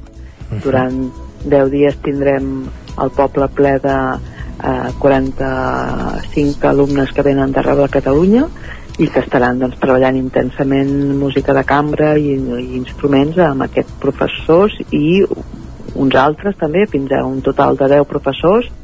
Un dels professors d'aquest campus són Tempus Trio, una formació emergent d'artistes catalans que formen part de la Filarmònica de Salzburg i que aquest cap de setmana han obert la quarantena edició del Festival Vinyes de Mollà el Tempus Trio doncs, efectivament són els nostres grups residents i a banda d'això també són els professors dins del campus musical del Moianès i efectivament doncs, eh, no podíem començar d'altra manera el festival que obrint-lo amb aquest eh, grup resident que està realment triomfant arreu d'Europa guanyant uh -huh. un munt de premis ells viuen habitualment a Salzburg ja que són solistes també de la Filarmonia de Salzburg els mateixos estudiants participaran també al Festival Vinyes amb un concert final de campus d'estiu que tindrà lloc el proper diumenge 16 de juliol a dos quarts de 12 del migdia i també a les 5 de la tarda a l'Auditori Sant Josep de Mollà. Gràcies, Roger. Acabem aquí aquest repàs informatiu que començàvem al punt de les 10 en companyia de Sergi Vives, Roger, Roger Rams, Pol Grau i Isaac Muntades. Moment de saludar també el nostre home del temps, en Pep Acosta.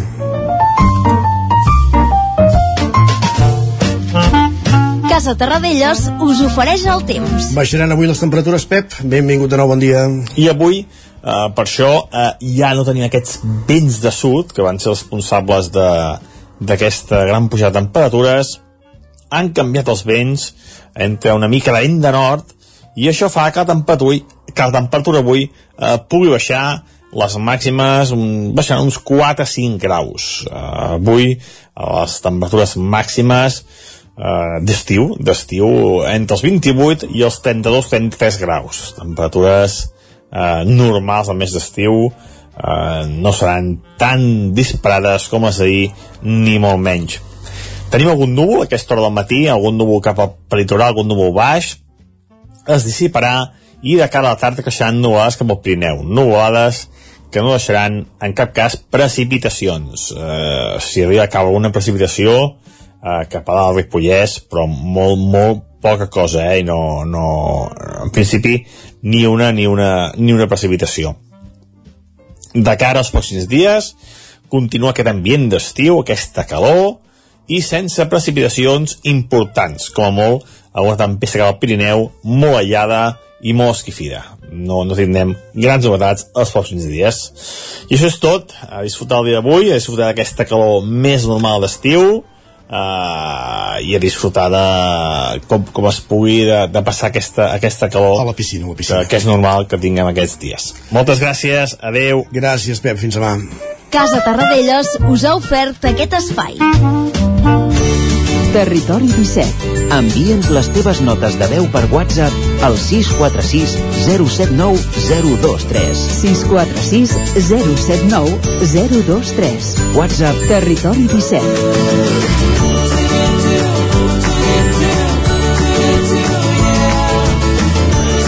Territori 17. Som a Facebook, Twitter i Instagram amb l'usuari Territori 17.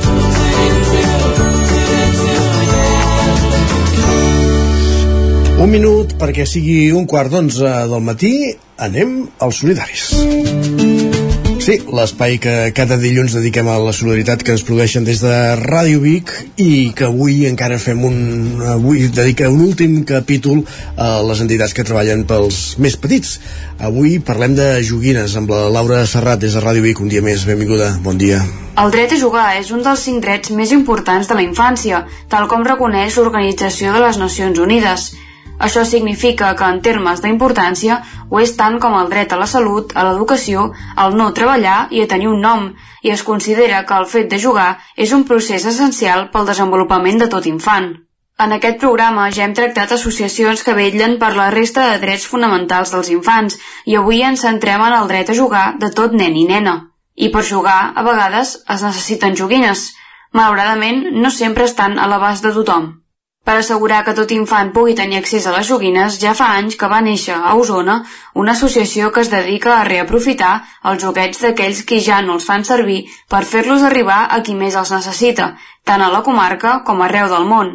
Es tracta de joguines sense fronteres, de qui parlem als solidaris d'avui, en la nostra última parada d'aquest recorregut per conèixer les entitats relacionades amb l'ajuda a la infància.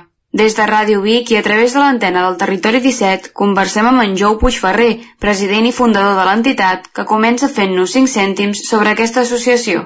Joguines Sense Fronteres és una entitat sense ànim de lucre que va néixer a Vic l'any 2000 i a Igualada l'any 2016. Llavors tenim un equip de voluntaris a Vic i una Igualada i cada setmana ens trobem a Vic el dimecres i el dijous a Igualada i fem la revisió i neteja de joguines i llavors donem les joguines a entitats socials, particulars, hospitals, residències, presons, bueno, i per exemple també vàrem fer una entrega de 200 i pico de joguines a l'Albert de Vic, i amb 20 i pico de nens vam entregar 222 joguines de llibres, bicicletes, contes.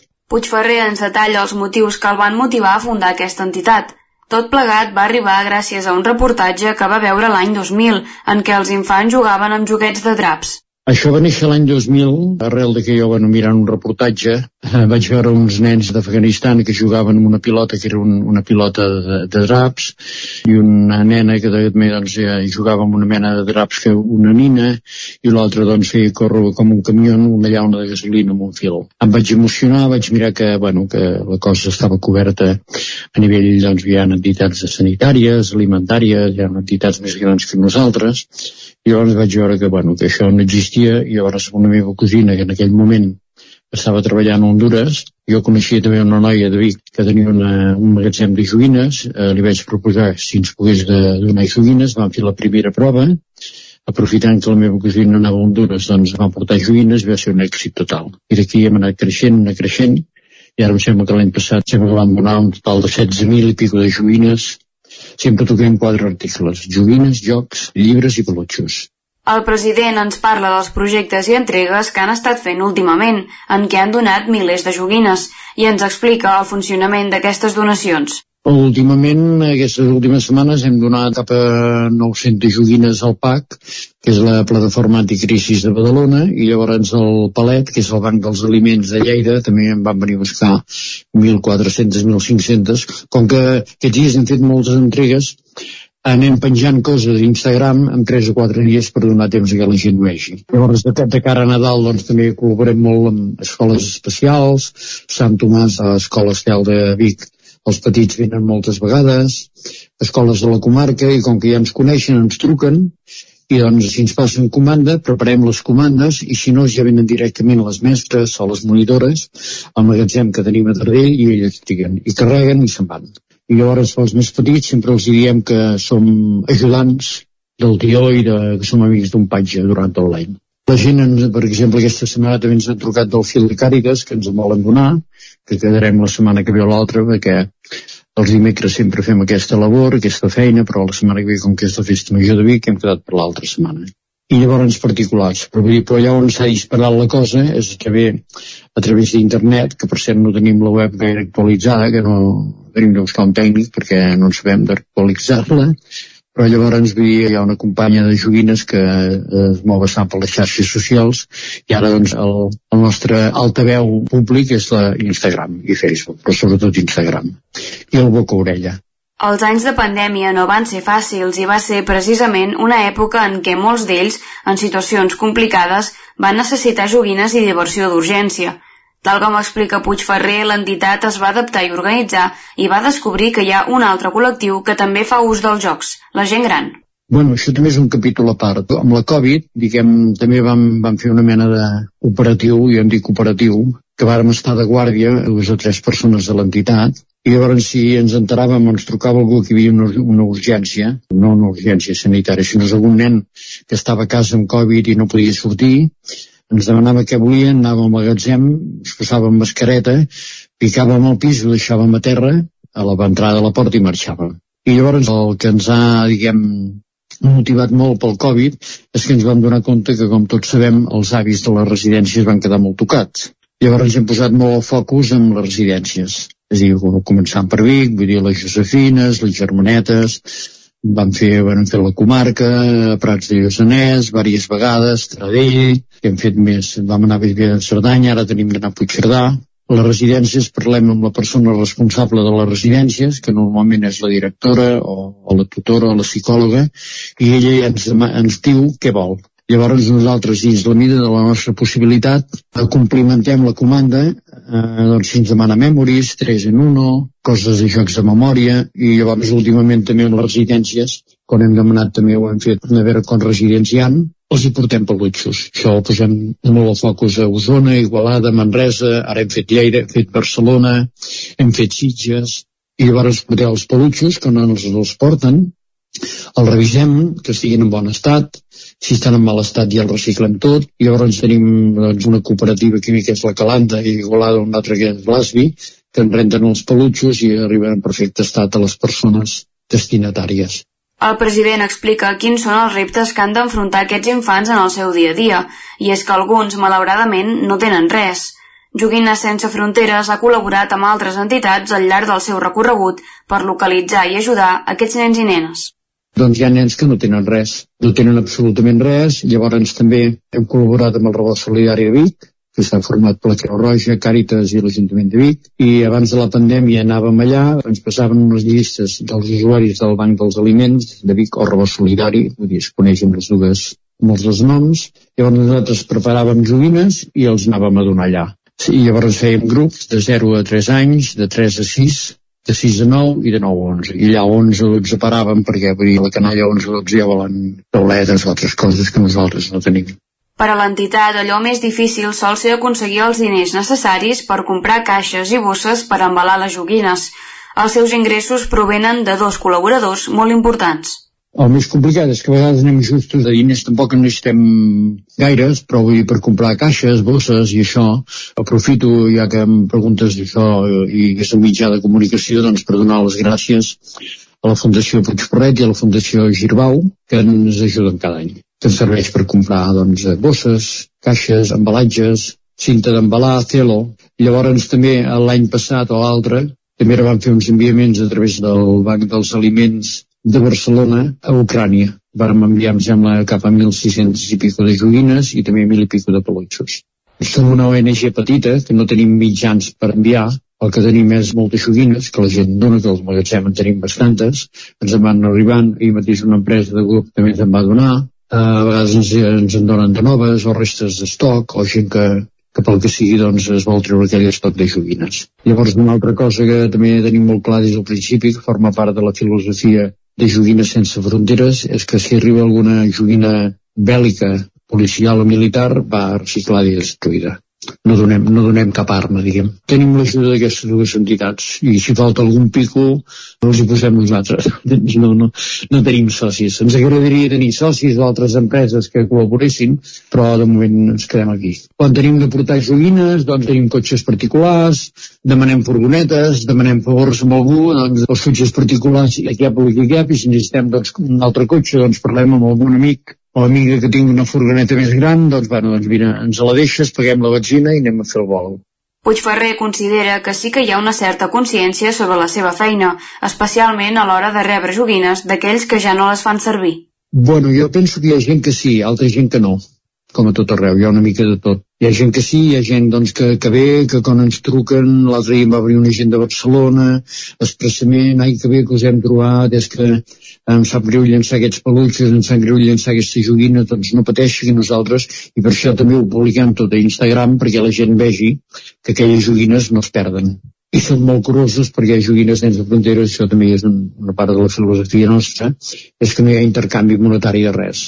Hi posem hores, gasolina, mals d'esquena, però no hi, ha, no hi ha intercanvi monetari. La nostra recompensa, per dir-ho d'una manera, són els somriures i la satisfacció de veure que arriben o com hem anat a, les llars d'infants o bueno, sobretot durant el Covid com ara anar aquí les germanetes de Vic o altres residències estan contents, molt contents estan de cara al futur els agradaria continuar la seva feina, tal com diu el seu nom, més enllà de les fronteres, a tants llocs com sigui possible.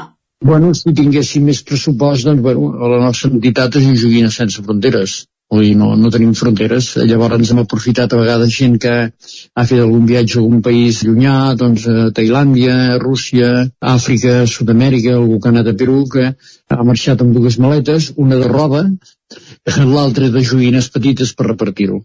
Llavors també a vegades ens han demanat material escolar, material escolar també ens en demana molt, ens en demanen molt, no en tenim gaire i amb aquells diners que, ens donen aquestes dues fundacions comprem material escolar l'altre dia vam fer un contacte amb una empresa d'aquí Vic que ens va donar doncs, mandales i coses per pintar que això també va molt bé per les residències d'avis. Les joguines ja les tenim i la feina també tenim un bon grup de voluntaris.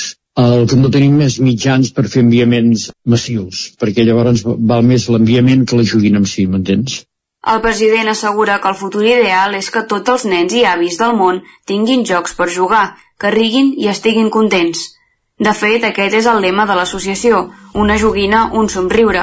L'entitat fa més de 20 anys que vetlla pel dret a jugar dels més menuts i fins ara han acostat jocs i joguines a milers de nens i famílies. Tot i les dificultats, la seva tasca ha estat essencial per assegurar la infància que mereixen tots els infants.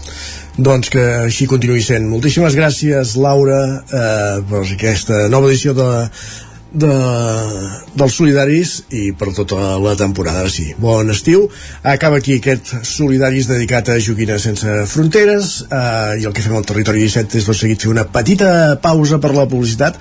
Re, 3 minutets i tornem de seguida amb la recta final del programa. Passarem per Twitter amb en Guillem Sánchez, ens endinsarem a l'alegria interior amb en Jordi Soler i acabarem amb el Lletra Ferits parlant amb la Marta Lloreta, la caçadora de Masies, una entrevista d'en Joan Garcia des de la veu de Sant Joan.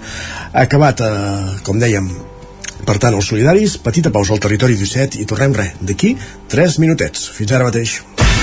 El nou FM, la ràdio de casa, al 92.8. Ajuntament de Gurb Vespres musicals a Gurb. El proper 22 de juliol a la parròquia de Sant Andreu, concert de Pol de Besa i Guillem Remisa, el quart cicle de concerts de vespres musicals, organitzat per l'Ajuntament de Gurb. Música en directe. Us esperem amb molts somriures, ganes d'escoltar bona música i una jaqueta per si fa fresca. L'entrada dels concerts és gratuïta.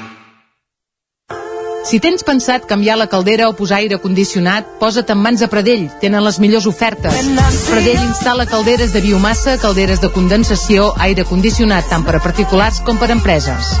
Apunta, Pradell, Avinguda Països Catalans, número 27 de Vic. Telèfon 93 885 11 97. Repetim, 93 885 11 97. Davant l'escassetat hídrica, fem un consum responsable de l'aigua, perquè cada gota que estalviem serà una gota més per al planeta. No et quedis sec. Tanca l'aixeta. Akbar amb tu.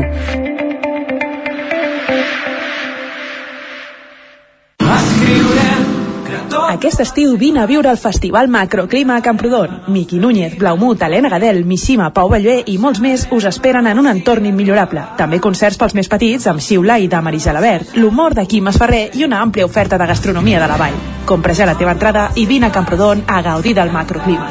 A Bailen sabem que quan té una avaria a la seva caldera vol una solució ràpida. Truqui al servei tècnic oficial Bailen i els nostres tècnics vindran ràpidament a solucionar-li el problema. A més, si canvieu ara la caldera, us regalem fins a 300 euros. Truqueu al 910 77 88 77 o entreu a bailan.es. Ser a prop vol dir veure les coses més bé. Apropa't al que t'interessa amb la xarxa Més. La teva plataforma audiovisual de qualitat, proximitat i gratuïta. Gaudeix dels continguts de més de 30 televisions locals i podcast quan, com i on tu vulguis. Entra a la xarxa més.cat i descarrega't l'app. Cocodril Club. Si t'agrada la bona música dels anys 60, 70 i 80, escolta el 9 FM als matins de dissabtes i diumenges d'11 a 1. És el temps del Cocodril Club, tot un clàssic de la ràdio, amb les bases del pop-rock, les llegendes, les cançons que s'han convertit en autèntics himnes. Recorda, dissabtes i diumenges al matí, d'11 a 1, al 9 FM 92.8. Cocodril Club, el programa revival de l'Albert Malla. Hasta luego, cocodrilo. Anuncia't al 9FM. La màquina de casa. 9 3 8 8 9 4 9 4 9. Publicitat arroba al 9FM.cat. Anuncia't al 9FM. La publicitat més eficaç.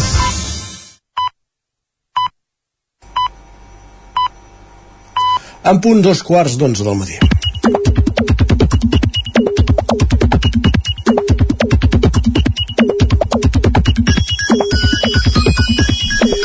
I quina calor, Guillem Sánchez, benvingut, bon dia. Quina calor que fa, quina calor que fa i jo vull anar I a la que farà, piscina. i que farà. Fins demà, no? Ah, no, vull dir tot l'estiu. Tot l'estiu, doncs, doncs L'estiu plego és ja. època de calor. Plego ja, plego ja. Nou mesos d'hivern i tres d'infern, a la plana de vi, sempre. Tot i això queda menys perquè passi ja aquesta onada de, de calor. De fet, no és onada, però vaja. sí.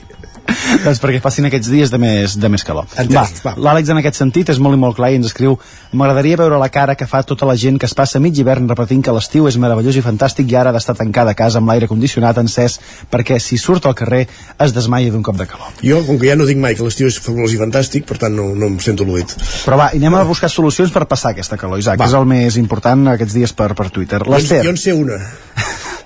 No, no, jo sé una. No sortir- ahir, ahir, ahir va venir el tècnic i m'ho va solucionar. Va venir, va venir a arreglar l'aire condicionat que no, que no funcionava a casa. Doncs vinga, aquesta és la, és la primera. Segona, la que ens proposa l'Ester, que ens diu Casa meva té sol per davant al matí i per darrere a la tarda. Diu, l'estiu passat va ser una agonia. Per això he fet arreglar una de les corts on el meu pare tenia bestiar. Ni aire condicionat ni punyetes. No hi ha res com la pedra de les cases de pagès per viure a 20 graus. Així és clar, però això al mig de la ciutat no t'ho trobes. Però eh? no tothom té una casa de pagès. Exacte. Aguantar per això el que passa a aquesta dona a casa seu no és pas normal. Atenció al que ens escriu. Diu, "Ah, estic ara mateix a 32 graus i mig a casa. Visc en un àtic sota el terrat, sense aire condicionat. Em toca el sol des de les dues de la tarda fins que es pon. Vosaltres, tot bé? Uh, vés a la piscina. No, no sé. eh, No, O que no, no t'hi de casa quedis, o- No, uh, no t'hi quedis a la sauna. Els finlandesos fan saunes de 10 minuts, no de tota la tarda. Doncs vinga. I no sé què en penses d'aquesta afirmació de l'Aina per Twitter, Isaac. Ens Què diu l'Aina? Hi deu haver molt poques coses més perilloses que, per la meva salut que un aire condicionat en mans d'un home. Són, més, Ah. són més perillosos els homes amb l'aire condicionat o no? Mm, jo diria que no va de gènere, va de No va persones. de gènere. Va de persones. Va, i l'Anna també es planteja un debat interessant per xarxes, no sé què hi respondries. Tu diu, la gent que aneu a treballar en bicicleta amb aquesta calor, quan arribeu, us dutxeu o aneu amb l'olor corporal pujadeta tot el dia? Jo, jo, bueno, aquesta pregunta és pertinent i està bé, però clar, també veus molts esportistes que surten allò hora tour, pràcticament, diguéssim, que és la pitjor hora per sortir en bicicleta. L'hora tour és criminal. Sí. L'hora tour és... De fet, aquesta hora és la d'estar al, Al sofà mirant el tour. Al sofà mirant el tour o adormit mentre fan el tour per la, per la televisió enganxat amb els braços de, del sofà, per exemple. Va, li responen, diu, aquesta és una de les raons per les quals no vaig en bicicleta a la feina. Mentida, això és un altre argument que t'has buscat per no, per no anar No, aviam. en bici.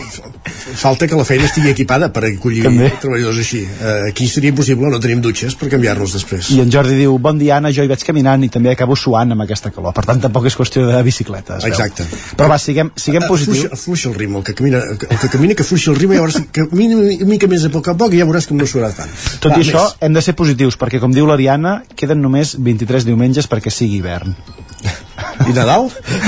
Nadal en deu quedar 23 o 24, perquè no sé si el primer d'hivern ja deu ser, és el 21, oi? Ah, clar, 21 de ja, desembre. ja sumem la tardor aquí, tens raó. Ja anem directament cap al mes de Ja- desembre. ja deuen ser els mateixos, Per sí, tant, sí. calma i tranquil·litat. Va, parlant d'estacions, mireu què ens comenta aquest usuari. Diu que a l'hivern aneu amb mitjons curts i ensenyant els turmells, diu, bueno, però que l'estiu aneu amb mitjons a sota genoll i amb xancletes, sí que no. Colla d'horteres tots plegats.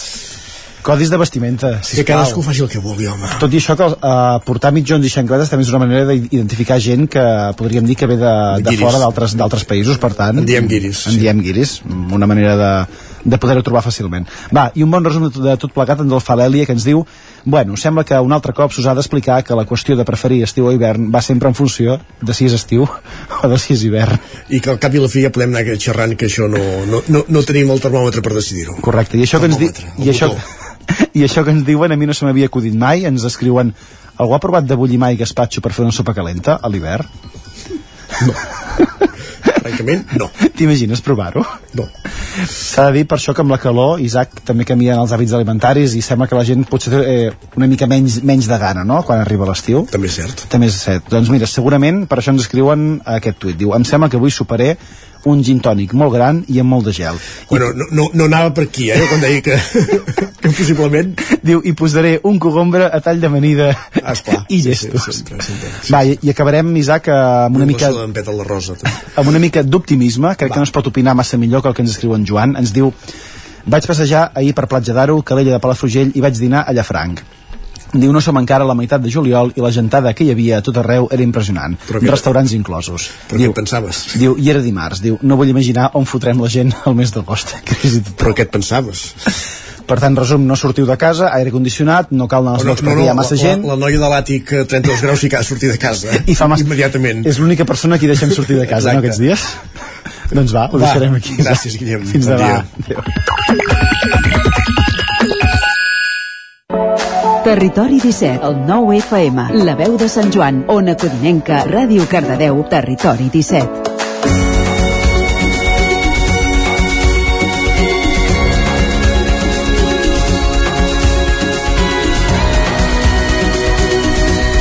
I al territori 17, ara quan passen 5 minuts, gairebé 6 de dos quarts d'onze del matí, és moment de saludar en Jordi Soler, com fem els dimecres un cop cada 15 dies, i avui per tancar la temporada, Jordi, si no recordo malament, el nostre calendari deu tocar estació de PNL, eh?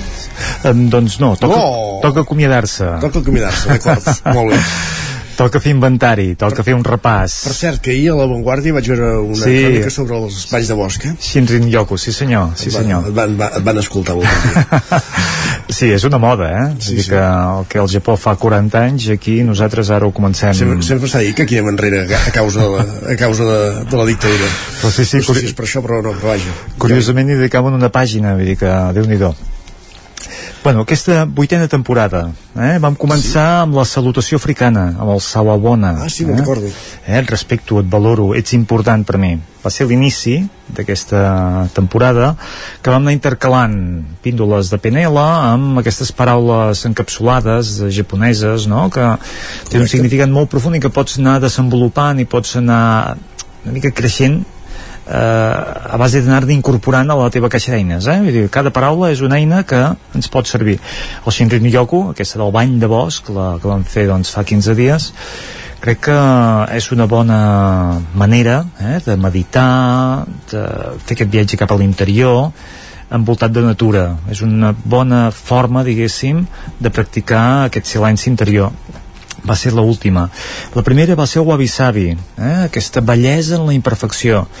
Jo com veus allò, aquests espais eh, ajardinats, amb elements allà una mica rovellats o fustes una mica envellides, doncs saber trobar que aquesta, aquesta, aquest pas dels anys, aquest desgast, té una bellesa eh, intrínseca, no? Vull dir que dius, saber observar i saber valorar aquestes coses que han tingut un, un ús, uh -huh. per tant un desgast, i saber valorar aquest desgast, aquest ús i veure la part eh, bonica que amaga tot això, no? El wabi-sabi, la bellesa en la imperfecció.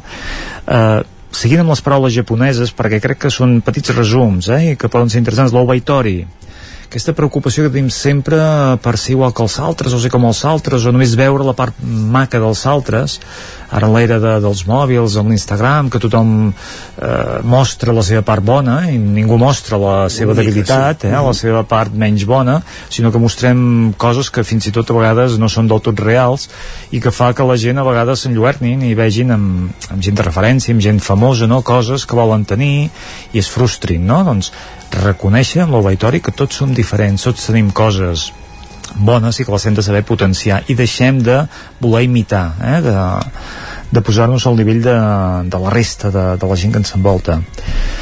Una altra paraula l'itadak itadakimasu. Fins i tot costa de pronunciar l'itadakimasu.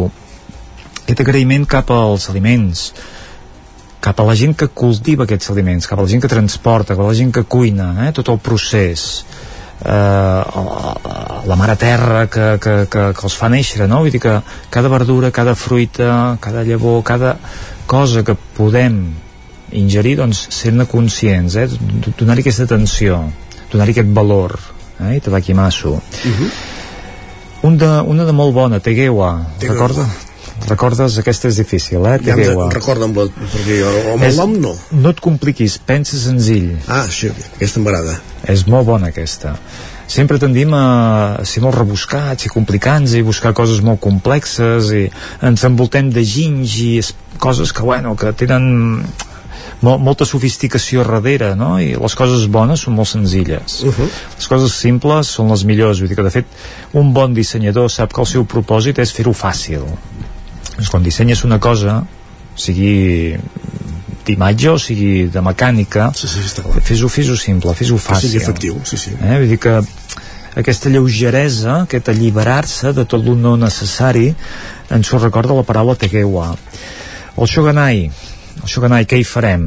No? Acceptar allò que no podem canviar. Uh -huh. Això no vol dir resignació. Aquestes paraules s'han de saber interpretar, també, eh? perquè hi ha algú que pot dir, bueno, ja, què vols dir? Que m'haig de rendir? No quan una cosa no la podem canviar, no lluitem innecessàriament, no gastem forces innecessàries, acceptem el que hi ha, no? Vull dir que si sabem veure això, sabrem avançar més ràpid, ens recuperarem més ràpid, no? rectificarem, reconstruirem més ràpid. Vull dir que tenim una desgràcia, podem perdre i dedicar temps a lamentacions que ens desgasten i ens fan perdre temps, o simplement acceptar-ho i tirar endavant, no? I, i reneixer, reconstruir, refer, recomençar, Shoganai, Boqueto, aquell somiar desperts eh? uh -huh. aquell allò, la mirada perduda eh, fer aquest petit viatge en el temps, en l'espai que sempre diem amb el mindfulness practicar l'àrea aquí, aquí és el contrari eh? és deixa't portar no? deixa't portar per a vegades doncs, però sempre en positiu, constructiu no? una cosa regeneradora vull dir que ostres jo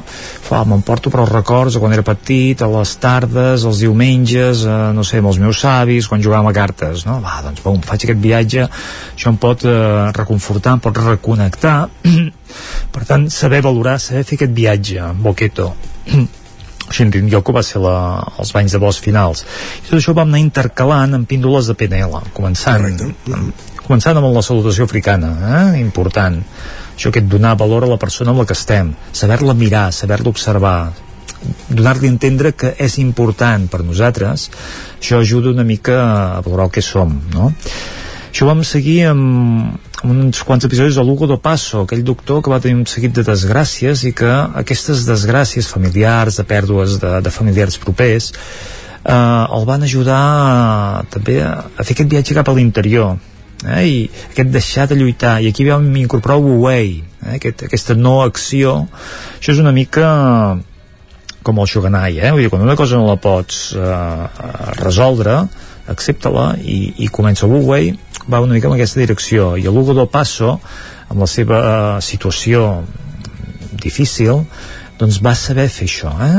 després de patir-ho molt va fer aquesta reflexió i va acceptar la tristesa com a part de, de la vida no? I quan la va acceptar la va reformular i ell va reneixer no? i a partir d'allà es va dedicar una mica menys a la seva part com a metge i més a una part d'acompanyament cap a gent que tenien aquestes situacions difícils, no? Gent que estan en depressions profundes, en episodis de molta tristesa, saber-los eh, reorientar, reenfocar pot ser una tasca molt bona i més per part d'un metge que, que coneix doncs, tota la part mm, més alopàtica i, i més científica, no? Això ho vam acompanyar també del Katsugen Undo, del Seitai, aquells moviments de la columna eh, que ens ajuden a buscar també aquest centre Seitai. I eh, el rapport, saber doncs eh, imitar, reconèixer, reconfortar la gent amb la que estem. Eh? aquí ja entrava en Penela. Els, els episodis de Penela doncs ens van una mica anem recordant perquè són coses que les hem parlat i que les anirem parlant eh? perquè crec que són importants quan estem amb algú que aquesta persona se senti còmoda facilita una bona comunicació uh -huh. doncs per tant a la part postural, la part gestual eh, sintonitzar amb el que tenim al davant, amb el nostre interlocutor vull dir que si té una veu accelerada nosaltres pugem una mica al nivell intentem accelerar-nos una mica, si té una veu pausada una, un, una certa calma doncs nosaltres rebaixem i ens posem també a un nivell d'energia més baix i més pausats, no? Això ajudarà que l'altra persona, doncs, ens escolti millor, ens entengui millor, no? Vull dir que la comunicació millori vam incorporar el tema de les faules, eh, els contes, sí. com una eina, diguéssim, per, eh, bueno, per, per fer reflexions no? i per entendre moltes coses bàsiques de la nostra vida. Els nivells neurològics, aquell recorregut eh, des de el lloc on ho estem fent fins al més enllà de nosaltres. Eh? Els nivells neurològics és una eina crec interessant, bona. Després amb el mètode SOAR, amb el mètode de, de, de la PNL, que recull no només els nivells neurològics, sinó les posicions perceptives eh? vull dir que i l'espai temporal, eh? el passat, el present, el temps. Quan combinem diferents eines podem obtenir uns resultats eh, francament bons. El reenquadrament, eh? vull dir que saber observar una situació buscar-hi opcions, eh? buscar alternatives observar-nos a nosaltres incorporant aquestes alternatives uh -huh. eh, i fent un pont a futur, veient-nos com estarem en el futur. Vull dir que reenquadrar és com reprogramar eh, situacions difícils. Sempre parlem d'una situació que volem millorar, eines que ens ajuden amb això. No? Uh -huh. És important donar valor a les persones que tenim a davant, és important doncs, sintonitzar, saber comunicar, però també és important el nostre interior, no? Vull dir, com, com el reprogramem, com el descobrim, i el refem i el, la, transform, la transformació essencial que va ser l'última píndola de, de PNL que vam fer ens ajudava una mica amb això, anar més endins eh? Uh -huh. i anar cada cop més endins per veure què més hi ha més profund que realment hàgim de resoldre, que hàgim de destapar. He fet un repàs eh, d'aquesta vuitena temporada. Rapidíssim, tota la temporada en 10 minuts. Sí senyor. Gràcies, gràcies Jordi, molt bon estiu. Igualment, moltes gràcies a vosaltres. I, bon I acabem aquí aquesta secció dedicada al PNL, a l'alegria interior, avui fent un repàs al que ha estat aquesta temporada i el que fem ràpidament és anar cap al lletra ferits.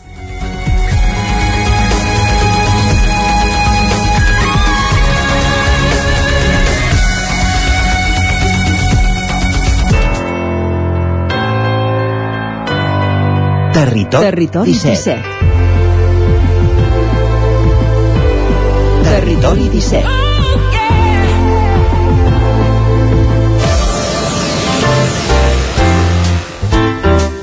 Un lletra ferits que avui ens aporta en Joan Garcia des de la veu de Sant Joan i parlant amb la coneguda com la caçadora de Masies, la Marta Lloret.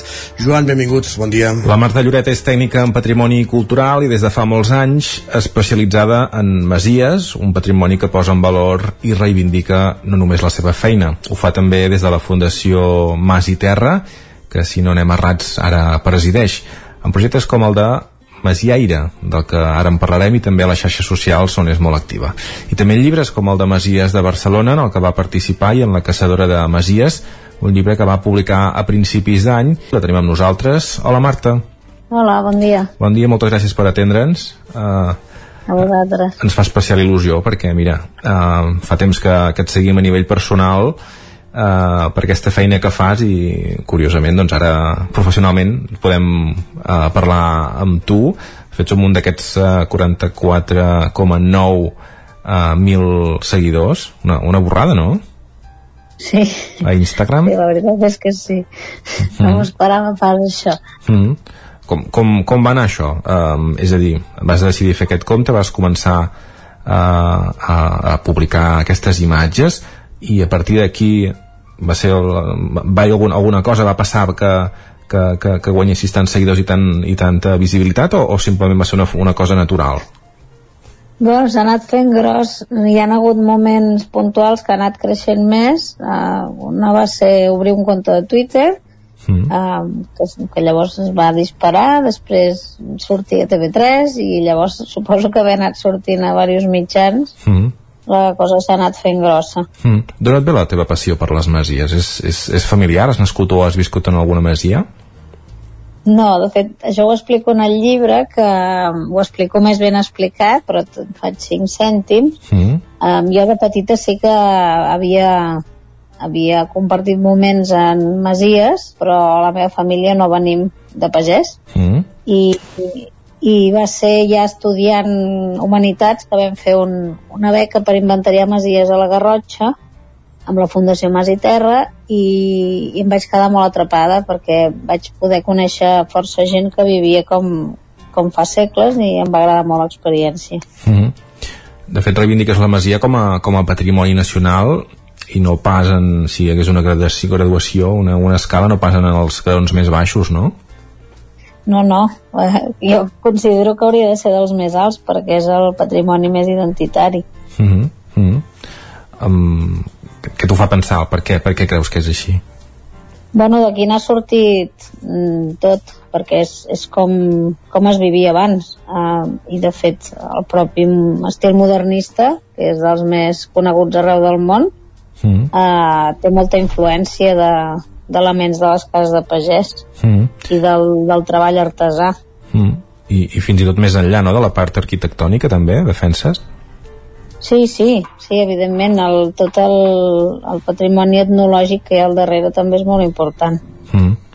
L'organització, no? La, els usos de la terra, l'estructura, no? la comunitat que hi ha al voltant. Sí, mm. els oficis, eh, bueno, ja dic que és, eh, abarca molts temes. A, a l'entorn d'un mas es toquen moltes tecles. Mm.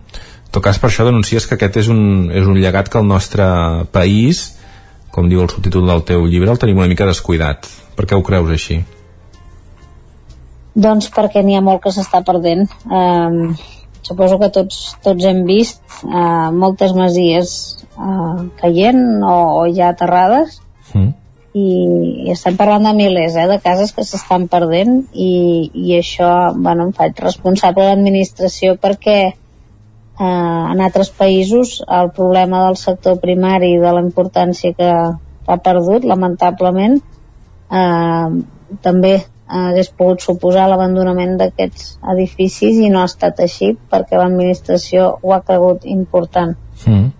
com, com ho han fet? perquè, és a dir um, no sé, a la nostra zona per exemple sí que és cert que hi ha molta gent que, que sovint doncs, busca masies per, gent que té diners per restaurar-la i per anar-hi a viure sí. uh, um, com, com, com creus que s'hauria de fer des de l'administració per, per fer que, que això no, que, que no passés, que no hi haguessin cases desocupades o que caiguessin? Mesures de foment, perquè jo sóc bastant contrària a penalitzar, sí que en alguns casos es podria contemplar en els que hi ha desídia declarada mm. del per mi que caigui, però sou més partidària d'iniciatives com per exemple que la gent que està fent la tasca de, de mantenir aquest patrimoni cultural no hagi de pagar impostos. Mm. Em sembla una cosa molt bàsica, uh, sobretot en el cas que hi hagi algú uh, que hi visqui de forma fixa, mm. que, que no, no és um, deixes de pagar impostos per tenir una casa, sinó perquè hi visqui algú i estàs fent unes tasques de manteniment. Mm o per exemple que no paguin impostos de successions perquè és un altre problema eh, que molts propietaris de tota la vida se les han hagut de vendre perquè no poden afrontar l'impost de successions mm -hmm. i així és un llarg etcètera de mesures que podíem fer per fomentar-ho i evidentment apostar més pel sector primari mm. De fet, també hi ha certes proteccions que, doncs, avui en dia, per exemple, molta gent es vol posar plaques solars i, i depèn d'on vius, per un tema de protecció del patrimoni no, no ho deixen fer, no? Vull dir que també penalitza d'alguna forma també a vegades viure en una masia, no? Sí, sí, de fet, eh, de fet també la solució passa amb desburocratitzar-ho tot, que és el que han fet en aquests països també, uh -huh. que no tot sigui tan mm, que cada passa que fan hagin de, de demanar permisos i afrontar-los ells, perquè està bé que, que hi hagi una mica de control de com es fan les coses, però, però no d'una manera que, que al final t'ho impedeixi. Mm. Ahir parlava amb una persona molt pròxima amb els bombers i, i segurament ara també moltes masies patiran pel fet d'aquests incendis que, que, que tenim no, de sisena generació que en diuen i em va sobtar perquè em va explicar una cosa que és la primera vegada que, que la sento i és que fins i tot dintre d'algun sector eh, això proper als, als, als bombers i a la gestió forestal diuen que, que a vegades tenim, o sigui, dediquem masses esforços a protegir dos o tres cases no? Uh, i, i que, que per això a vegades els incendis es descontrolen o fins i tot que a vegades potser depèn d'on s'hauria de deixar que, que l'incendi fes el que, el que havia de fer. No sé si, si aquesta si també has, has uh, estudiat aquest, aquest tema o com es porta en altres llocs.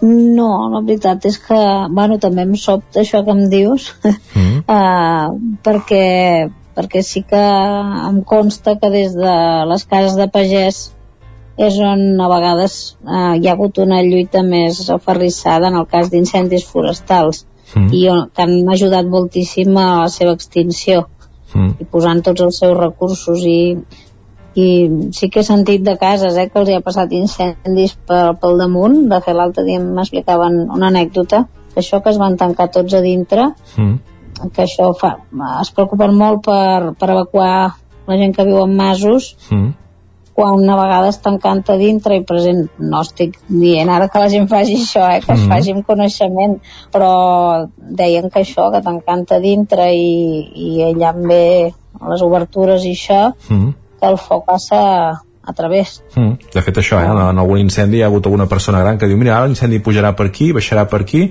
i demà a la tarda estarà apagat i és perquè hi ha aquesta experiència no? I, i, i, i saben sí. doncs, netejar les seves cases, l'entorn per protegir-se sí. perquè no és el primer que pateixen no? i saben, saben això com, com, com el foc es mou i com, i com protegir el seu mas i de fet aquest, aquestes masies moltes vegades és això per interès propi, sí. de que no arribi les, les flames de casa seva. I de fet, quan són a dins són capaços d'evitar que la casa eh, es perdi perquè mm. mullen les vigues i no sé, hi ha tot un sistema mm. eh, que van explicar que, bueno, això que si et fas fort a dintre a vegades és, és millor mm. solució. Ja dic, no ho estic defensant ni, mm, no, no. ni dient que la gent ho faci, s'ha de fer un coneixement si ja el tens. Mm, mm, T'entenem perfectament. No pateixis, en tot cas, d'aquesta zona nostra, vens a presentar el, eh, el llibre per aquí, però, però el, el Ripollès no sé si tens detectades moltes masies interessants o no, si has vingut moltes vegades. Moltíssimes. De fet, eh, hi ha zones que són de les meves preferides de Catalunya mm. al Ripollès hi vinc també uh, sovint a buscar bolets mm -hmm. però que això potser ja no agradarà tant però, però sí que hi ha masies espectaculars i sempre he dit que, que si em toqués la loteria perquè lamentablement he de posar-hi uh, el, el tema econòmic perquè si no per mi no és possible però me n'aniria a viure dalt de la muntanya al Ripollès jo. Mm. A quina zona? Allà és. Mm -hmm. Molt bé, molt bé. És un dels meus racons de molt preferits. Mm -hmm. Mm -hmm. S'entén també. Mm. Um, um, com, com fas la teva feina? Com, com ho fas? Agafes un mapa, surts a documentar masies per zones. Aquí, per exemple, es va fer un, un llibre que es deia Els masos de Sant Joan de les Abadeses, i llavors mm, més o menys estan tots controlats, però com, com treballes habitualment?